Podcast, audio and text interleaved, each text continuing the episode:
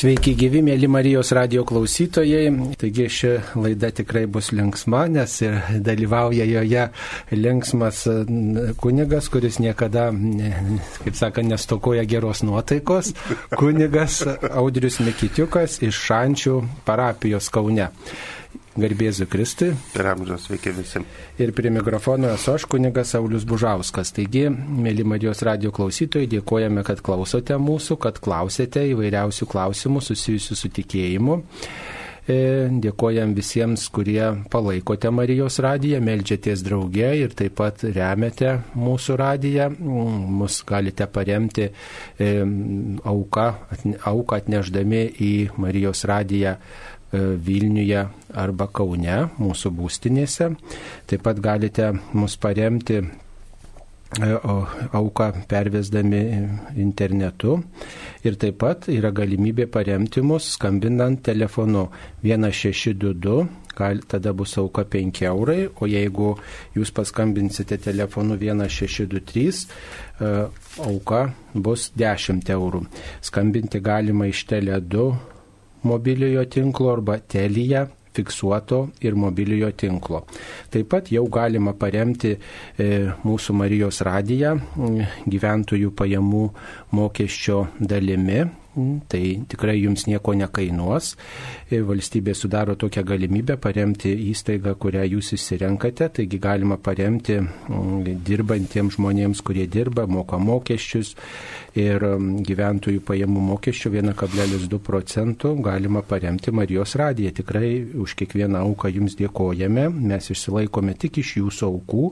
Štai jau 17 metų Marijos radijas gyvuoja ir išsilaiko kiekvieną mėnesį jūsų dėka, mėlyjeji.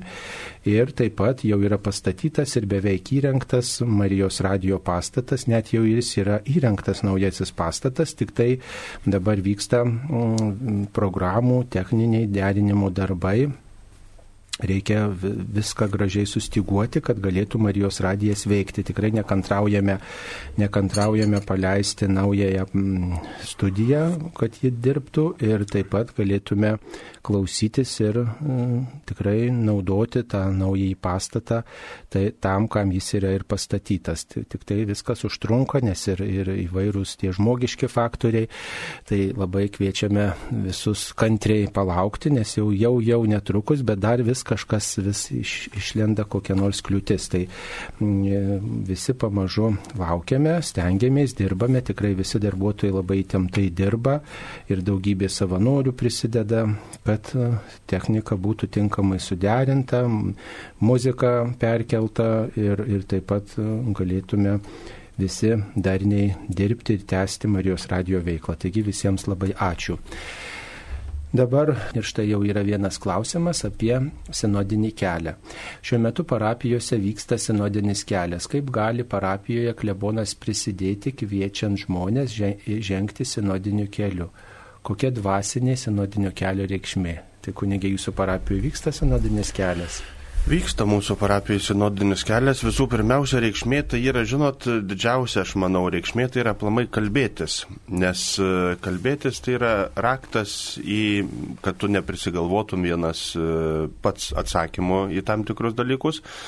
Ir aš manau, kad kalbėtis, kalbėtis ir kalbėtis apie tam tikrus dalykus bažnyčioje yra nu, labai labai svarbu. Ir kai mes kalbamės, bent jau aš iš savo patirties galiu pasakyti, kiek man tenka mm, būti įvairiausiuose draugijose, šeimose, vakarėliuose su žmonėms, su bendruomenėm. Ir žmonės užduoda labai daug klausimų ir aš galiu pasakyti, Vienintelis atsakymas, kurį žmonės e, pasako, kai jiem kažkokį klausimą pristatai, jie sako, niekada apie tai nepagalvojom.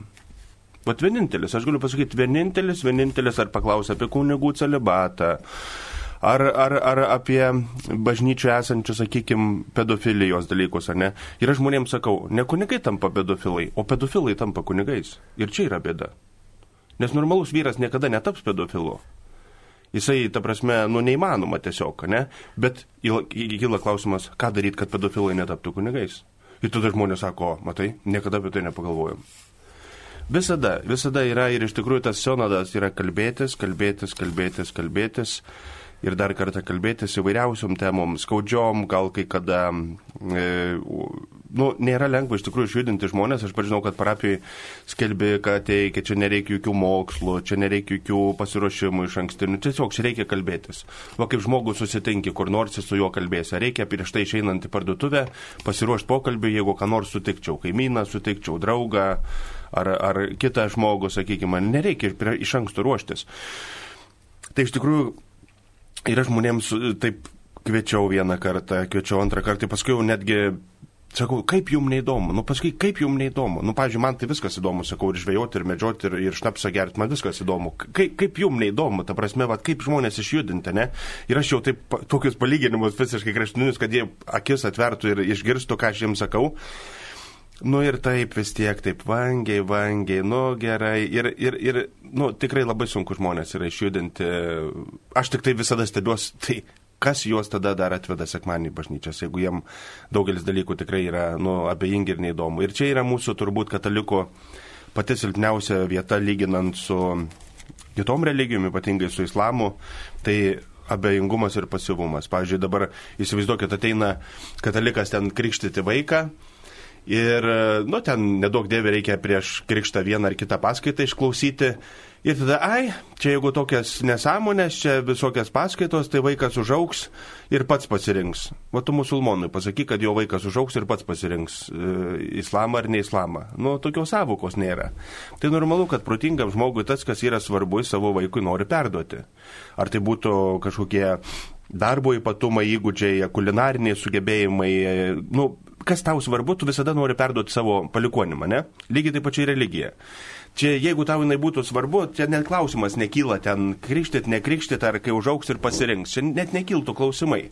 Ir tada, kai tai nėra svarbu ir prasideda, kai užauks, pasirinks, jeigu norės, tai aš tada sakau, tai tada ir lietuviškai nemokėjai kalbėti, kai užauks pats pasirinks, gal jis angliškai norės, kad jo gimtoji kalba būtų ne lietuvė, ne. Į mokyklą neleiskim iki 18 metų vaikų, kai užauks pats pasirinks, jis nori eiti į mokyklą ar nenori, ne. Nu, norm, normalu, kad tai, kas yra tėvams svarbu, valstybei svarbu tą perdoda savo ateities kartom, savo palikonim, savo vaikams ir lygiai taip pačiai ir bažnyčia ragina žmonės būti aktyvesniais ir tai perduoti, nes tai, ką mes darom šiandien, priklausys, kokia bus mūsų bažnyčia po 20-30 metų. Tai, ką mes darom šiandien. Ir jeigu mes tik tai daugelį dalykų pagal nutilėjimą kažkaip nesikalbėsim, ir nespręsim tam tikrų dalykų, tiesiog e, tą vietą užims, e, užims kitos religijos, užims kiti, kiti judėjimai ir, ir, ir, ir, ir nieko čia, žinot, viską reikia išsaugoti, laisvę reikia išsaugoti, tradicijas išsaugoti. Ir šiandien daug tradicijų nyksta, pavyzdžiui, aš galiu pasakyti, laidotuvių tradicijos. Nu, mane tai iš tikrųjų išurpina, bet laidotuvių tradicijų beveik nėra. Nes laidotuvėse ateini, jau gedorių nėra, katafalkų nėra, laidotis vienintelis kunigas ateina, atkalba maldas, urna pasiema ant kelienų, atsisėda į Opel Vectra, vienu žodžiu, ant kelieniuko arba į bagažinę ir visi važiuoja ir niekaip nepasakysi, kad čia jau laidotuvės jau, nei procesijos, nei kapinėse, jau į kapinės irgi žiūri beveik iki kapo visada su mašinom davažiuoja. Nėra kur nei gėdot, nei melstis. Nyksta tradicijas. Daug, daug tradicijų šeimose, kad ir švedijų draugai sako, lietuvis tėvas dar nemoka švediškai, normaliai kalbėtų jau su vaiku kalba švediškai, nors jisai grįžęs paskui tas vaikas su mučiutė nesusikalba. Nu tai mes e, ir lygiai taip pačiai viską reikti, kalbą išsaugoti, kultūrą, tradicijas ir tame tarp ir tikėjimą. Ir sinodas, manau, yra tam tikras bandymas kalbėtis ir išsaugoti tai, kas bažnyčiai yra brangu, svarbu ir, ir, ir apie tai kalbėtis ir galbūt suteikti kitą prasme. Taip, tai dar mm, viena, tokia, vienas toks klausimas apie Šančių bažnyčią, kada bus vėl transliuojamos mišios iš Šančių bažnyčios. Mm, sausio 21 dieną labai patiko rožinės ir giesmės. O. Tai vadinasi, ne mišių reikia, o tik rožinių ir giesmių. Tai jeigu patiko rožinės ir giesmės, tai manau, kad tą galima ir dažniau negu tik šventasis mišės, tegu tik tai va. Arba kviečiam ateiti iš Ančių bažnyčią, kada rožinės vyksta kiekvieną vakarą 16 val. giesmės per kiekvienas mišes, jaukauja aišku. E, šiaip šventasis mišes planavom transliuoti vasario 17 dieną, bet aš pasiūliau, kad vasario 17 yra Kauno arkivyskupo Kestučio Kėvalo jubiliejus. Ir šventusios mišios bus katedroje 12 val.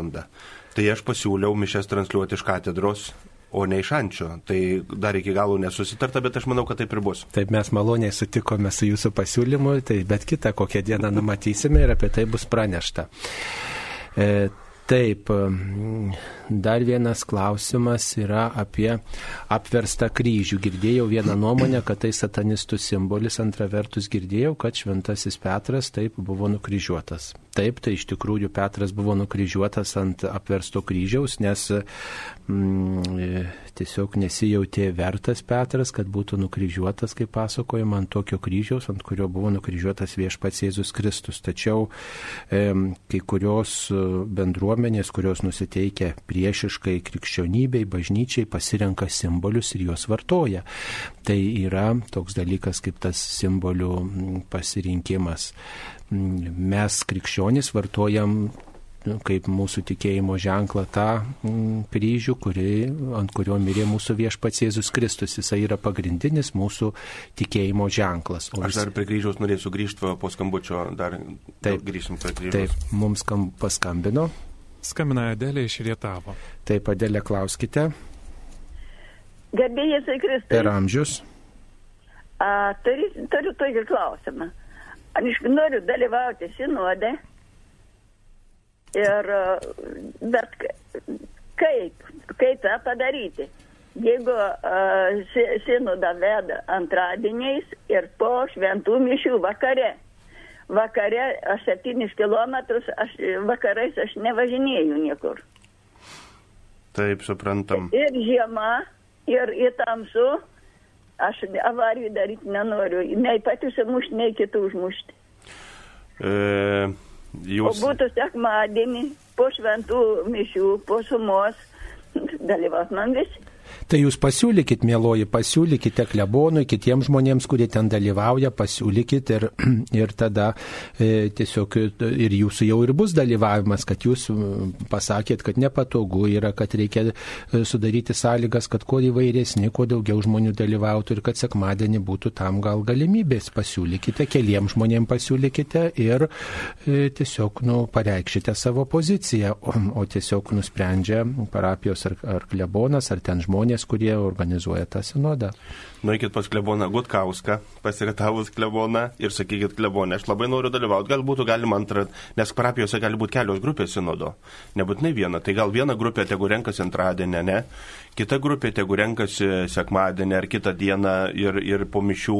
Ir aš manau, kad čia viskas yra, čia nenustatys niekas, kokią valandą parapijai turi vykti ir kokią dieną. Tiesiog reikia vėl kalbėtis, nait pas kleboną ir kalbėtis, sakyt, mielas klebonėlė ar negalėtų e, vykti kitų laikų, nes aš labai irgi noriu dalyvauti. Galiausiai, gal yra galimybė vėl nuotoliniu būdu kai kuriem e, žmonėm e, dalyvauti. Dabar tų būdų, žinot, iš tikrųjų yra daug. Reikia tik tai vieno dalyko - nait pas klebono ir išsakyti savo, e, būtent ką čia pasakėt mums. Ir aš manau, jeigu klebonas matys, kad tai yra reikalinga, tikrai labai labai lengvai ras šitos problemos sprendimą. Tarp kitko, galiu įdomumo dėlį pasakyti, kad Rietavo bažnyčia yra ta vieta, kur Lietuvoje pirmoji užsidegė elektros lemputė, nes Rietavo dvaro tvarininkas pirmas įsisteigė elektrinę generatorių ir elektra, kur sužybo pirmoji lemputė Lietuvoje 1896 ar 8 metais, tai buvo Rietavo bažnyčia. Nu, va, kaip gražu. E, tai, taip, Grįžtant prie kryžiaus. Taip. E, žinot, apverstas kryžius, nu, žiūrint, kur tą kryžių apversi, jeigu į dėžę įdėsi, į dėžę apversi ir bus apverstas kryžius, nu tai nesiskaitys, kad jisai čia, žinot, apverstas ir šnekėt. Kaip galima kryžių padaryti, nu, nepagarbą, bet kaip nevertinti jo, nežinant, kokia jis turi reikšmę. Pavyzdžiui, aš tikrai daug kartų gyvenime su, galima sakyti, nu, nekonfliktavęs, bet e, turėjęs tokių pastabų laidojimo biuro darbuotojams. Įsivaizduokit, kryžių įdeda karstą ir kryžių šalia. Nu gerai, tai su karstu važiuoja iš lėta. Bet po laidotuvių taip jau buvo, kad, pavyzdžiui, daugelis laidotuvių biurų turi savo kryžius. Jiem tas kryžius yra kaip Vytautui magnetofonas, vienu žodžiu, visiškai nulis ir įdeda tą kryžių į katafalką ir paskui važiuojant 80-90 ant posūkių tas kryžius po katafalką malasi, daužosi į kampus ir aš sakydavau, Nu, paimkite tam katafalkę, padarykit kabliukus, paimkite tą kryžių ant kabliukų, vat, padėjai. Neduoda tas katafalkas po visą, ta, tas kryžius po visą katafalką, duoda gazą, kryžius važiuoja į galą katafalkos, stabdo į priekį, atlėkia ant posūkį į kitas pusės, tai čia viena medalių pusė. Kita medalių pusė atvažiavo į kapines, pradarė katafalką, išima kryžių ir, pavyzdžiui, atneša ir paremia ant priekinio rato, pavyzdžiui, katafalko, žinai, atremt, kol kažkas ateis, jį paims, neš. Ir aš tą matau ir, nu, ir pasakai. Ir tie žmonės, kuriem tas kryžius nieko nereiškia, jie nesupranta, ko aš čia noriu iš jų. Jie nesupranta, nu kas jam čia kryžius, pagaliuks kažkoks tai vieno žodžio, čia jis yra, nėra.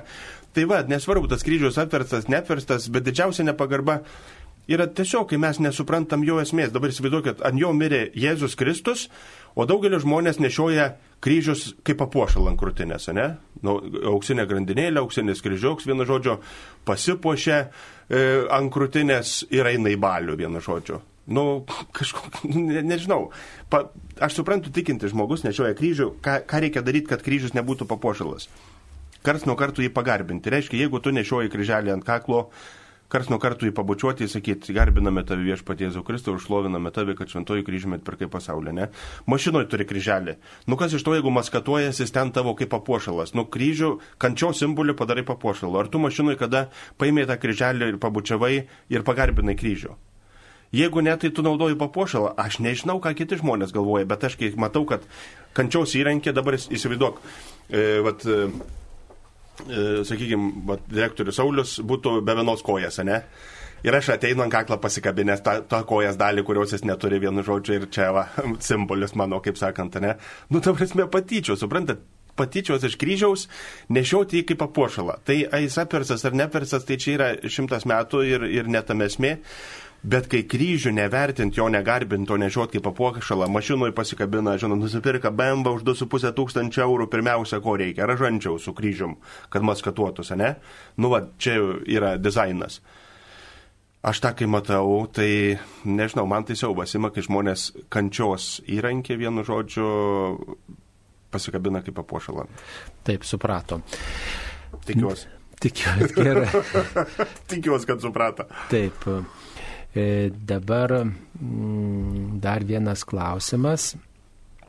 Ar nuodėmė, kai per adventą norisi dainuoti ir, ir noriu dainuoti? Ne, tai galite dainuoti, tai čia nieko tokio, bet suprasti. Žiūrint kokias dainas. Kokios dainos, su kuo ir kur. Tai reikia surasti laiko ir maldai.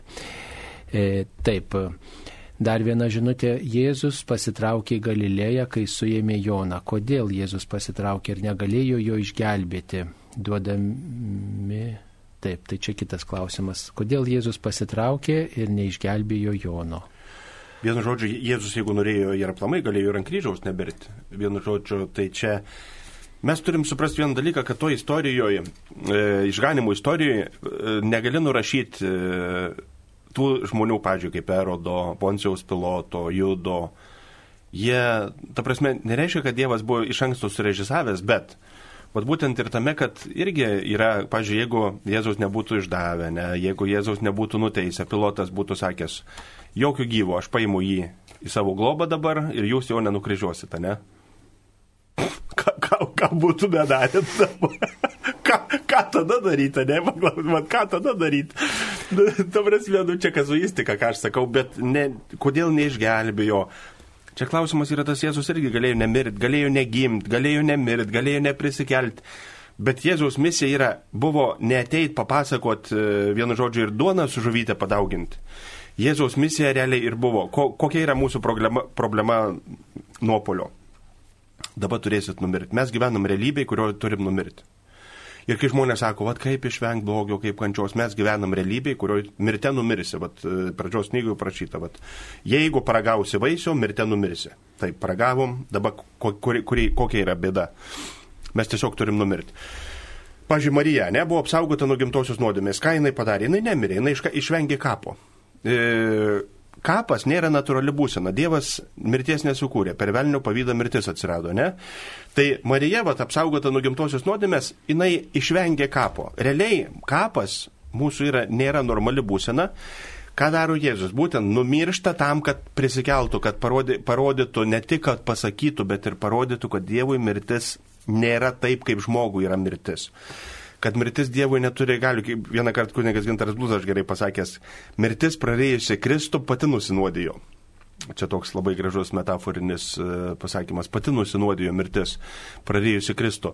Tai vienu žodžiu, čia tokie klausimai, ar galėjo išgelbėti, žaičiu, kad galėjo, ir galėjo išgelbėti ir būti, bet esmė yra tame, kad e, Jėzaus misija, sakykime, prieimant žmogaus prigimti buvo ne, ne išgelbėti Joną Krikštytoje, o numirti ir prisikelti, parodant, kad štai problema yra ta, kad mes dabar turim numirti. Ir Dievas prisėima tą žmogaus realybę, ateina, kitaip tariant, į situaciją, kur irgi turi numirti, kad mirte numirti, susitapatina su žmogum, kuris yra nupuolęs. Dėl to ir sakoma, kad godžiai nesilaikė vienybės su Dievu, apiplėšė pat save. Nemirtingas Dievas, kitaip tariant, čia nu, žmonės, kurie supranta, tai čia iš vis išprotėt gali. Dievas, kuris yra gyvybės kuriejas, pats renkasi mirti. Nu, čia, yra, va, čia ir yra ta esmė, kai žmogus tą supranta, jis tada Dievą nori garbinti, šlovinti, dėkoti Ir yra esmė ne tai, kad einu į bažnyčią, nu tai žinai, čia laikaus tradicijų, tai pradom, tai paliksim. Ne, kai tu supranti iš tikrųjų, kad gyvybės kuriejas pats miršta, priima realybę, kurioje reikia numirti ir parodo, kad toj realybei Dievas, kaip sakant, ateina gelbėti, parodydamas, kad jisai gali numirti ir prisikelti. Tai va čia dėl to ir esmė yra e, ne tai, ką Jėzus pasakė. Jeigu Jėzus pasakė ir neprisikėlė, tai yra nulis. Tai yra, e, kaip sakant, e, pastatytume jį į lygią vietą su kitais istorijos kalbėtojais, e, išminčiais ir, ir taip toliau. Esmė yra tame, kad jisai prisikėlė. Dėl to žmonės puolė po to begalinis dėmėjimas rašyti apie nieką tiek nerašė, kiek apie Jėzų. Ne dėl to, kad jis ten kažką tik pagydė ar ten donikę padaugino bet jis padarė tokį įspūdį, kad žmonės tiesiog negalėjo apie tai nekalbėti. Ir apaštalai, plius pamatė Jėzų prisikėlusi. Nu, Paulius sako, mes negalim tylėti tai, ką matėm ir girdėjom vieno žodžio, nes čia jau per daug rimta. Taip, ačiū. Dar vienas klausimas, to paties, tos pačios klausytojos. Duodami išmaldą netrimituokite, kai melžiatės, nebūkite kaip veidmainiai. Klausimas, ką reiškia pasakymas, jie jau atsėmė užmokesti. Labai paprastai čia atsakymas yra, kai duodat išmaldą, kaip aš sakau, jeigu jūs neduosit išmaldos, jūs neduosit, kitas duos, kitas neduos, trečias duos, trečias neduos, ketvirtas duos. Ir čia visiškai netame esmė. Kaip aš sakau žmonėm, jie kai duodat išmaldą, esmė, kas vyksta su jumim tuo momentu. Vat, kas vyksta su jumim. Ten tu neduosi tos išmaldas, tai ateis po pusės valandos kitas duos. Ir jokia skirtuma. Kitaip tariant, tas, kur prašo išmaldas, vakare jau rezultatas bus tas pats. Ar jisai nori pavalgyti, jis bus pavalgęs. Jeigu jis nori išgerti, jis bus išgėręs. Bet kas įvyksta su tavim, va čia yra esmė išmaldos. Ir jeigu tu, aišku, dėl to gerės, nu tiesiog e, išmalda. Kitas dalykas, ar tu duodi iš meilės, ar dėl to, kad tu nori pasigirti. Ir, ir kitas akcentas yra labai svarbu, kai tu išmaldą duodi iš širdies, ne iš piniginės. Iš piniginės, tai žinai, vienas gali eurą ištraukti, kitas du. Pavyzdžiui, dabar ištrauks eurą ir paukosi. Ką tas reiškia? Nu, nu, nu, iš piniginės realiai daugelis žmonių ir šimtą eurų iš, ištraukti nėra auka. Ką tu paukoji širdies, va čia yra auka. O iš piniginės, tai čia, žinot, kaip sakant, iš piniginės, tai čia gali padažyti, ką nors paremontuoti arba dar kažkas, bet tai gali ir nieko nereikšti. Bet va, ką tu sugebi duoti išmaldai širdies, Tai dažnu, dažniausiai žmonės duoda išmaldą ne dėl to, kad myli, bet dėl to, kaip aš sakau, atsimazint, kaip na, atsifutbolint nuo to prašančių, kad nusipirki tą trumpesnį nemalonumą su tuo žmogum. Bet jeigu tu duotum išmaldą, paklausė, kaip gyveni, koks tavo vardas, kaip tau sekas, ką tu dirbai visą gyvenimą, kodėl, gal einam kebabą suvalgysim, pavyzdžiui, net atsisėdė ant suliuko. O čia jau būtų levelis. O kad jam duodi 2 eurus, kad jis greičiau atsitrauktų nuo tavęs ir nesmirdėtų tau, tai čia reikia aukos dar toli toli.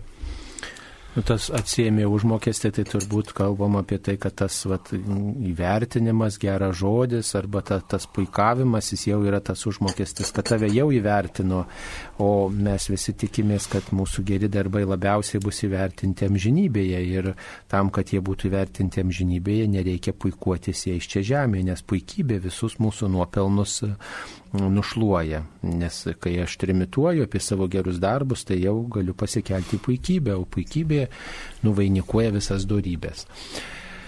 E, taip, norėjau paklausti dažnai, nu, prie švenčiausiojo sakramento bandau dėkoti, prašyti ir dar visai mintys atrodo šaudo kaip kulkos, o taip norėtųsi pagarbinti, o neišeina ir taip pilnatvės nesuteikia. Gal ką galite patarti? Į tą klausimą labai gerai yra Rūta Šilačiavičinė atsakiusi. Sako, mano maldos gyvenimas pasikeitė, kai aš supratau, apsisprendžiau, kad netobula malda irgi yra malda. Ir jeigu mes tik tai laukia momento, kai būsiu pailsėjęs, kai būsiu geros nuotaikos, kai mintis bus švarios, kai būsiu nusiraminęs, tai tu per gyvenimą gal tik du kartus pasimelustum tada. Tai nereikia laukti dėlios vietos, nereikia laukti dėliaus momento. Va toj būsenui. Nebijokit tos. Žmogus Dievas sukūrė žmogų ir, ir mes esam tokie ir emociškai, vieni jautresni, kiti nejautresni, vieni. Tai ne, nereikia laukti iš kokio idealaus momento, idealios vietos, kai nuvažiuosiu į Šiluvą, kai nebus nei vieno žmogaus, kai lakštingala tupės medelėje, kai gegutė kukuos pušelėje. Vienu žodžiu, kai Zakrastijonas tuo metu deg žvakę, kai kunigas tenais jau, jau, jau, jau be penkių minučių mišios bus pasiruošęs. O tada tai jau gerai būt melstis. Nu, nebus taip tiesiog. Nereikia laukti idealaus kažkokio momento ir, ir kad ten suplauks visos aplinkybės, kad čia ne, nereiks melstis savaime. Ne, ne. Melstis ar pavargęs, ar nepavargęs, e, ar minti šaudo, atsiprašau, ar nešaudo, apsisprendė už maldą ir, ir nesuki galvos. Geriausia, kai malda turi laiką, konkretų laiką. Nes jeigu nėra laiko, nu tai, ai, nu ne šiandien, nu rytoj. O jeigu laikas turi, pažiūrėjau, ryte pusę aštuonio, ne? Nu ir viskas, ar tavo gera nuotaika, ar tu ne, negera nuotaika, ar tu pavargęs, ar tu pailsėjęs, pusę aštuonių, eini, kaip gavosi, vieną vakarą, vieną rytą geriau, kitą rytą blogiau, bet tai esi pusę aštuonių. Nes jeigu tu neturėsi konkretaus laiko, tai tu to idealaus laiko lauksi 19 metų ir, ir niekada nepasimelsi. Nu, truputėlį reikia ir iš anksto ruoštis tai maldai. Ta, kaip sakant, mūsų malda prie švenčiausių sakramentų labai priklauso nuo pasiruošimo. Jeigu jūs iš anksto galvosit, aš tai būsiu Dievo akivaizdoje, aš patylėsiu, aš ten pagarbinsiu, aš visus rūpeščius jam atnešiu nu, ir nusiteikia, tai tada jau atėjus truputį lengviau yra ir, ir tą atlikti, kad jūs jau truputį tokius paruošiamosius darbus esate atlikusi. Gerai sakot, aš, pavyzdžiui, žmonėms sakau, kai norit atlikti išpažinti, pažiūrėjau, ne, nuteikit anksčiau. Pavyzdžiui, būna taip, kad tu sėdi klausyklui, be dviejų minučių arba be vienos minutės mišios, atliek žmogus priklausyklas pro duris ir palaukit, kunigė, tuoj biškė, atgausiu kvapą. Nu, gal autobusas ne, neatvažiavo. Bet kas? realiai, ką tu gali va tokioj būsenų išpažinti? Mamos neklausiau, kuri mirė prieš 20 metų ir per pasniką sasiskas valgė, viskas, ką dar gali. Ta prasme, normalu, kad ateini anksčiau, susikaupia emocijos, sužadini gailesti, perskaidai kai kurias maldas ir tada artinėsi prie atgailos. O čia atlikiai Nieko neįdomu daryti tik atliekos, vienu žodžiu, net baliavot neįdomu į polusi balių. Reikia atvažiuoti su draugais pakalbėti, va, prie laužą pastovėti, paskui prie stalo. Nu, ta prasme, visur yra įžangos, nusiteikimai, emocijos. Lygiai taip pačiai ir maldoj. Ateini anksčiau, sužadini gailestį, perskaitai maldeles ir tada jau ateini prie klausyklos ir tai išpažintis visai kitokia. Lygiai taip pačiai ir su švenčiausiu sakramentu, va, kaip sakote, ne? Maldas, kad Dieve noriu tave pagarbinti, noriu pašlovinti, padėk man nusiraminti, galbūt, kad minčių būtų mažiau. Viskas yra, kaip sakant, įmanoma. Mums paskambino. Skambina klausytoja Stasi iš biržo. Mm. Taip, Staselė, klauskite. Sveiki, Stasė, seniai matėme. Garbė Jėzui Kristui. Labai kaip mėla, mielas kunigė, girdė, audriau girdėti jūsų balsą vėl eteryje. Buvom tikrai gerai, kunigas Saulis sakė, kad pats ilgam tom linksmumą. Ačiū. Ačiū Jums ir aplamai Marijos radijai labai ačiū visiems ir darbuotojams, ir savanoriam, kaip ir visada sa sakiau, sakau ir sakysiu, kol numirsiu, kol gyva būsiu. Marijos radijas yra didžiausia Dievo dovana, jūs mėly kunigai, ir kaip girdžiu kunigą Saulių, tai ir kiekvieną kartą medžiuosi, iš kur šitiek laiką gali žmogus turėti. Pamatys ir vėl visi eterį, išgirs ir vėl ir tiek išminties, ačiū Tai labai. jis nieko neveiks, tik tai, tai ką įmėjo dar čia. norėjau pasitirauti, ar nebūtų galimybės rožančius, kaip kalba, kad įrašą patransliuoti, kuri kalbėdavo kunigas Vilius Sikorskas. Tokie nuostabus apmąstymai su prigė- pragė- prigėdojimais. O dabar tiesiog rožančiai visiškai be apmąstymų. Nu, kad ir įrašas, ar, ar negalima būtų transliuoti, nors per savaitę kartą. Na, tai, tai čia va, jau direktorius, kaip sakant, atsakys. E, matot, yra truputį 12-11.30 tam rožiniui skirtas laikas yra e, toks ne, neilgas ir ten ilgų apmąstymų nepasakysime, o e, 9, 14 val. ir taip pat kurio garbinimo E, malda yra 19 val. yra galimybė pasakyti ilgesnius mąstymus, tai ten ir, ir, ir būna. Dažniausiai ta malda yra gyva. Nu, gyva malda, reiškia, jinai tokia kaip ir vertingesnė. Tas įrašas dėl tų įrašų kartais žmonės labai priekaištauja. Tai sako, kokia čia malda, jeigu jinai yra įrašas, bet e, net kartais gal ir svarstom, kas geriau, ar kai prastai žmonės meldžiasi ir, ir, ir nekokybiškai, ar geriau paruoštas įrašas, nes mūsų radio tikslas tikslas turbūt yra kviesti į maldą, pirmiausia, kviesti į maldą, sudaryti sąlygą žmonėms melstis, o žmonės gyvai tegul meldžiasi, mes esam viso labo tik tai įrankis, priemonė, priemonė tikėjimo žiniai skleisti ir niekuomet radijas nepakeis nei Dievo garbinimo, nei, nei, nei šventųjų mišių, to gyvo, gyvo žodžių akto, kuriame mes dalyvaujame kiekvienas asmeniškai. Taip, dar vienas klausimas, kas yra nuolankumas? Štai klausytojas klausia. Nuolankumas tai yra kaip, jeigu nepasidarysit kaip vaikai, naivumas toks, bet prieš Dievą, žinot, daugelis galvoja, kad nuolankumas, šiaip nuolankumas yra žinot, begalinė darybė. Begalinė. Kažkada esu perskaitęs, kad tarp nuolankumo ir tikėjimo galėtume dėti lygybės ženklą. Tu esi nuolankus tiek, kiek tiki, ir tu tiki tiek, kiek esi nuolankus. Tai va čia yra, žinot, labai labai tokie, sakyčiau, kertiniai dalykai, bet būti nuolankiam ne tai, kad e, leistis išnaudojamam. Būti nuolankiam tai reiškia priimti, mokėti priimti. E, pat kartais sako, kodėl nėra pašaukimo iš tikrųjų, ne? Nu, iš tikrųjų nėra tų žmonių, kurie būtų mažadvasiai, kurie pasitikėtų Dievu, kurie priimtų. Tai reikia nuolankumo, bet reikia nuolankumo. Žinot, ir, yra, gerai vyskupas yra pasakęs, sako, gali būti pats geriausias kunigas, bet jeigu jis yra nuolank, nenuolankus, tai žinot, labai sunku su juo ką nors nuveikti gero gyvenime.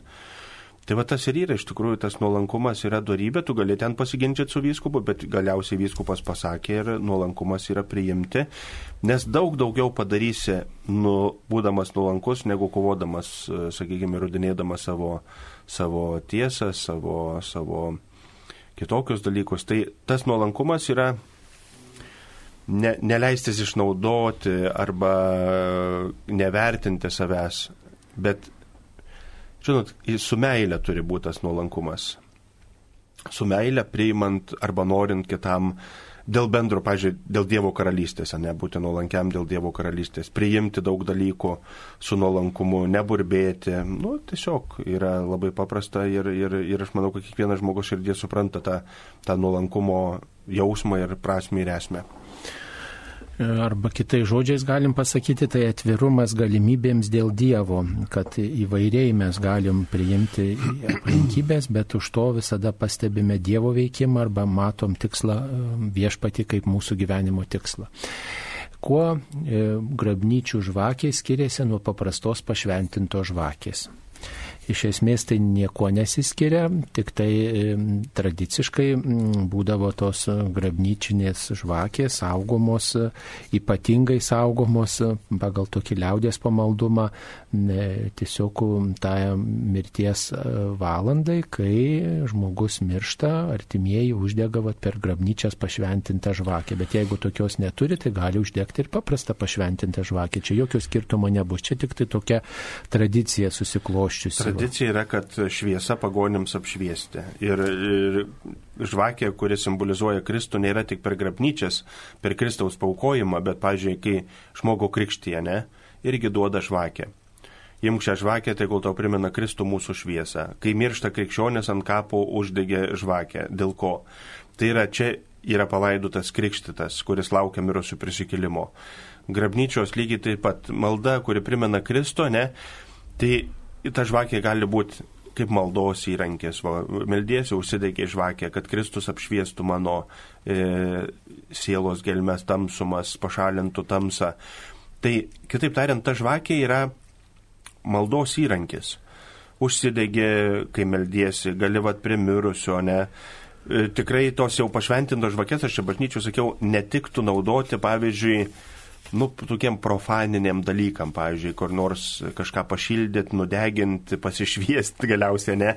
Jis vis dėlto jau yra mal maldai skirta sakramentalija. Jo, jinai yra pašventinta žvakė ir jinai yra jin jau nėra būtinė. Tai va dėl to, kad visi dalykai, kurie tampa pašventinti, nu, pažiūrėjau, paimkim kunigo sutaną, ne, va kunigas nešioja, nešioja sutaną. Ir jau jinai gal biškiau išaugo kunigas, priaugo svorio nuo parapiečių lašinių, ne, ir sako, kas norit va sutaną, bulvės užsidengsit gal kur, kad nesušalto, ar, ar šiaip va šunių į būdą patiesit, ne.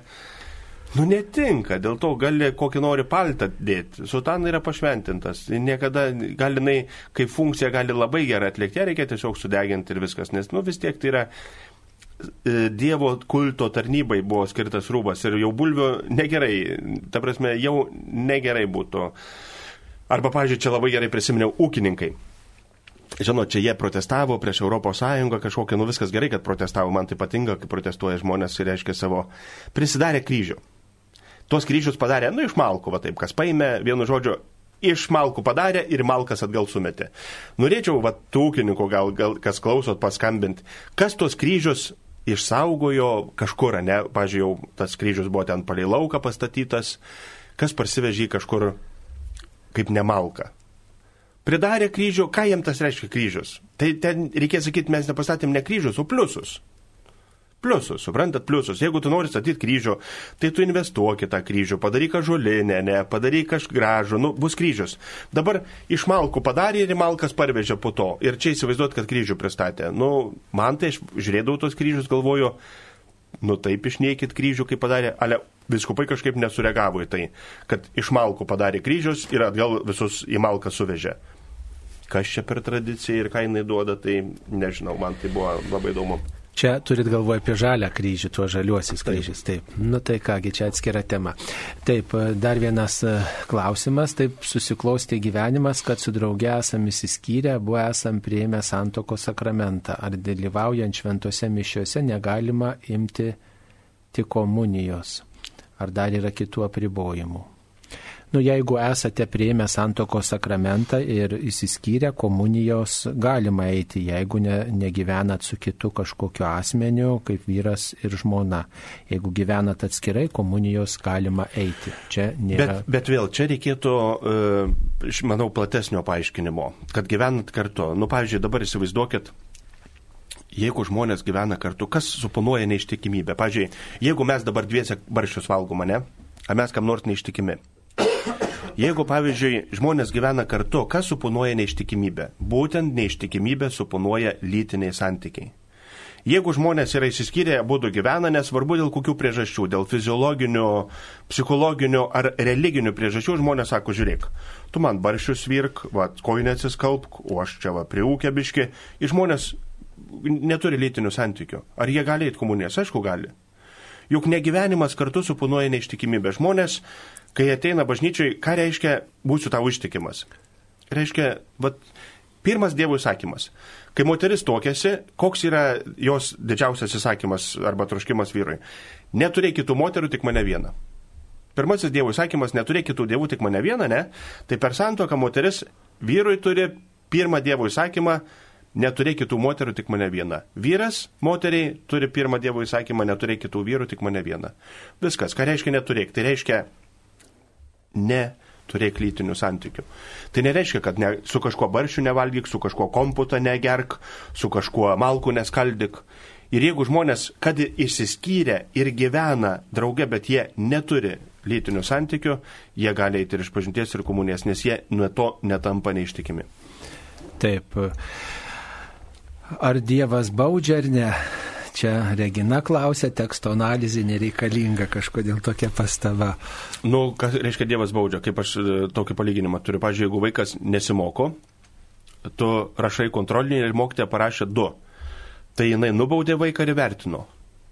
Nu, nežinau, daugelis, aš tai, pažiūrėjau, ne, nematau apraiškų, kur Dievas žmonės baustų.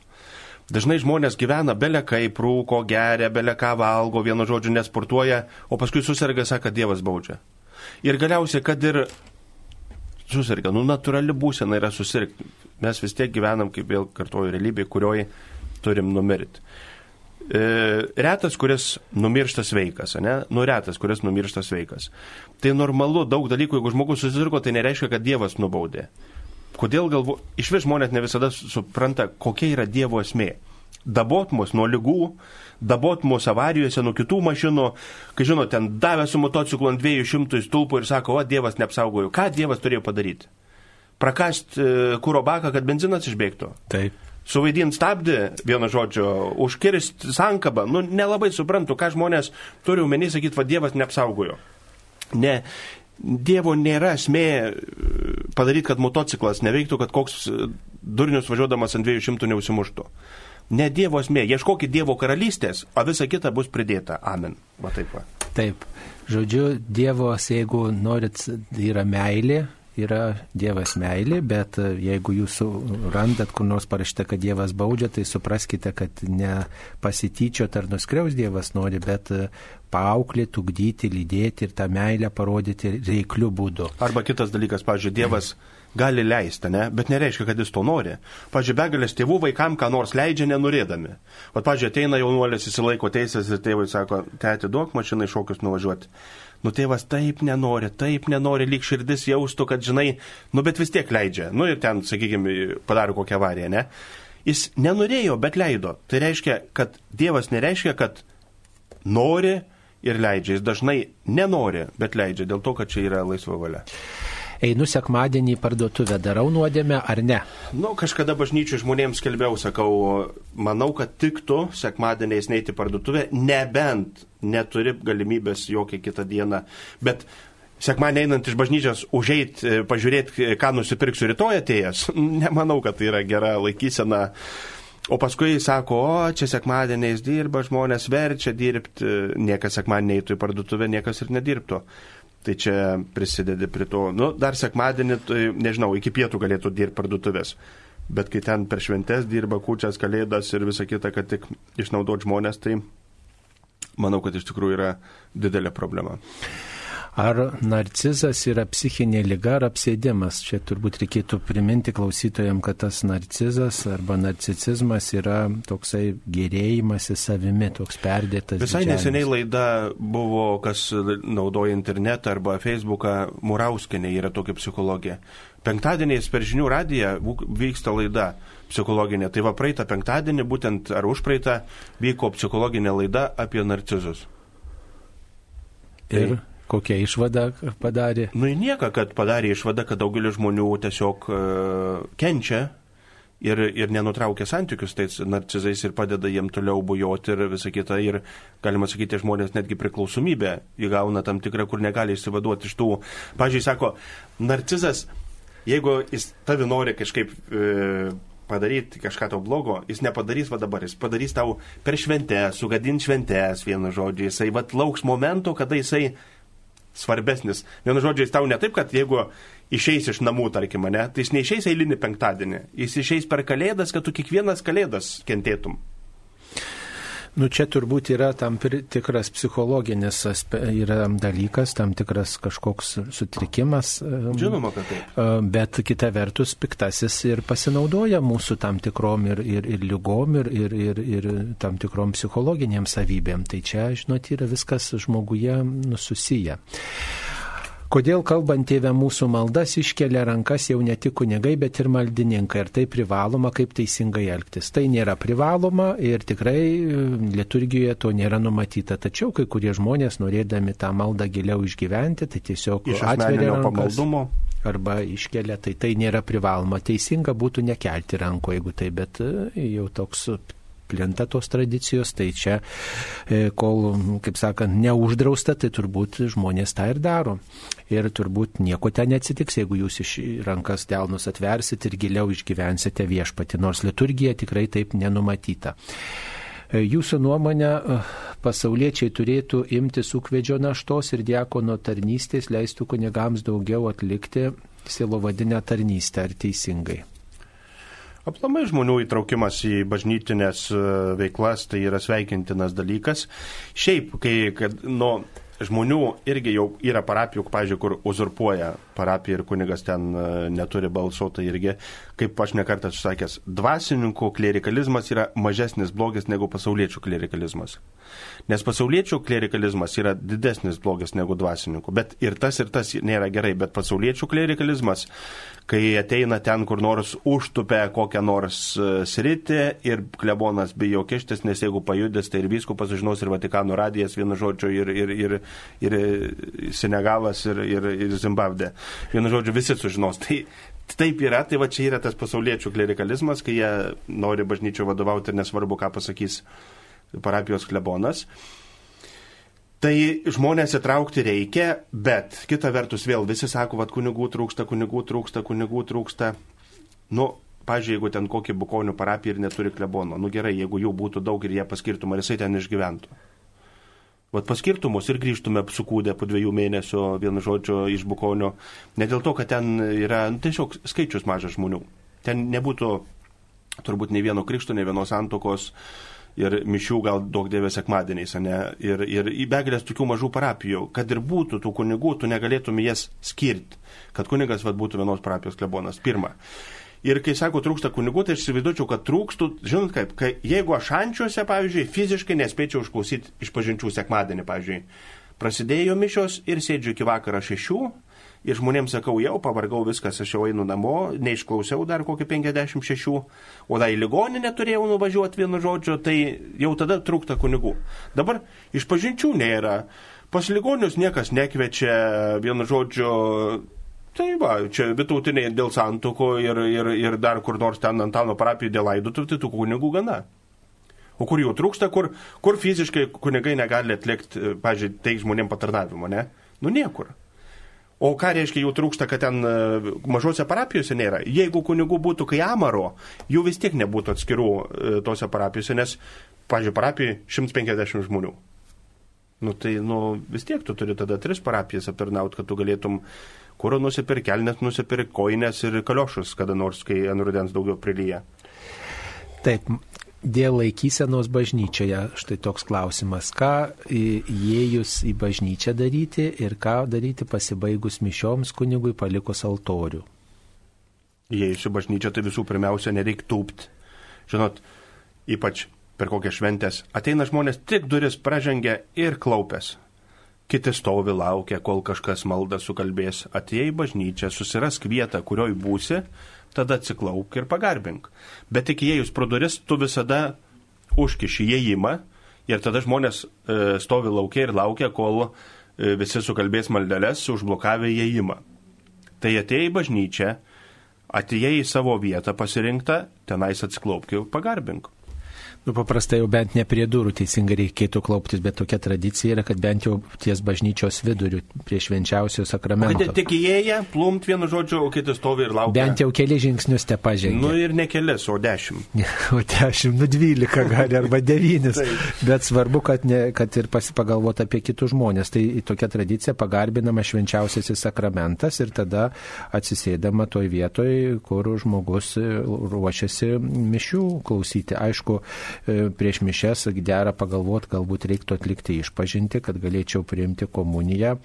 Nu ir taip pat yra visokie mūsų pamaldumai, gal jeigu yra daugiau laiko, galbūt pasimelsti prie švenčiausios merkelės Marijos altoriaus, galbūt toj bažnyčioje yra kažkoks šventasis gerbiamas, gal prie švento Antano altoriaus pasimelsti, tiesiog patilėti, galbūt skaitinius paskaityti, jeigu turite magnifikat maldinėlį, e, taip pat galbūt e, rožinį pasimelsti, jeigu yra laiko, tai žodžiu jūsų asmeniniam pamaldumui skirtas laikas prieš mišęs mišes, o pasibaigus šventoms mišioms tai dera padėkoti Dievui, neskubėti išeiti iš bažnyčios, padėkoti Dievui už komuniją, už šventų mišio auką, gal pasimelsti vėl kažkokiam asmeninėm maldom, kurias jūs norite, galbūt dar išklausyti giesmės, kuri gėdama, dar patylėti tru, truputį toj tyloj, pabūti bažnyčioje, jeigu yra tos tylos ir, ir tiesiog neskubėti mm, išeiti namo. Vieną kartą gyvenime esu buvęs Meksikoje.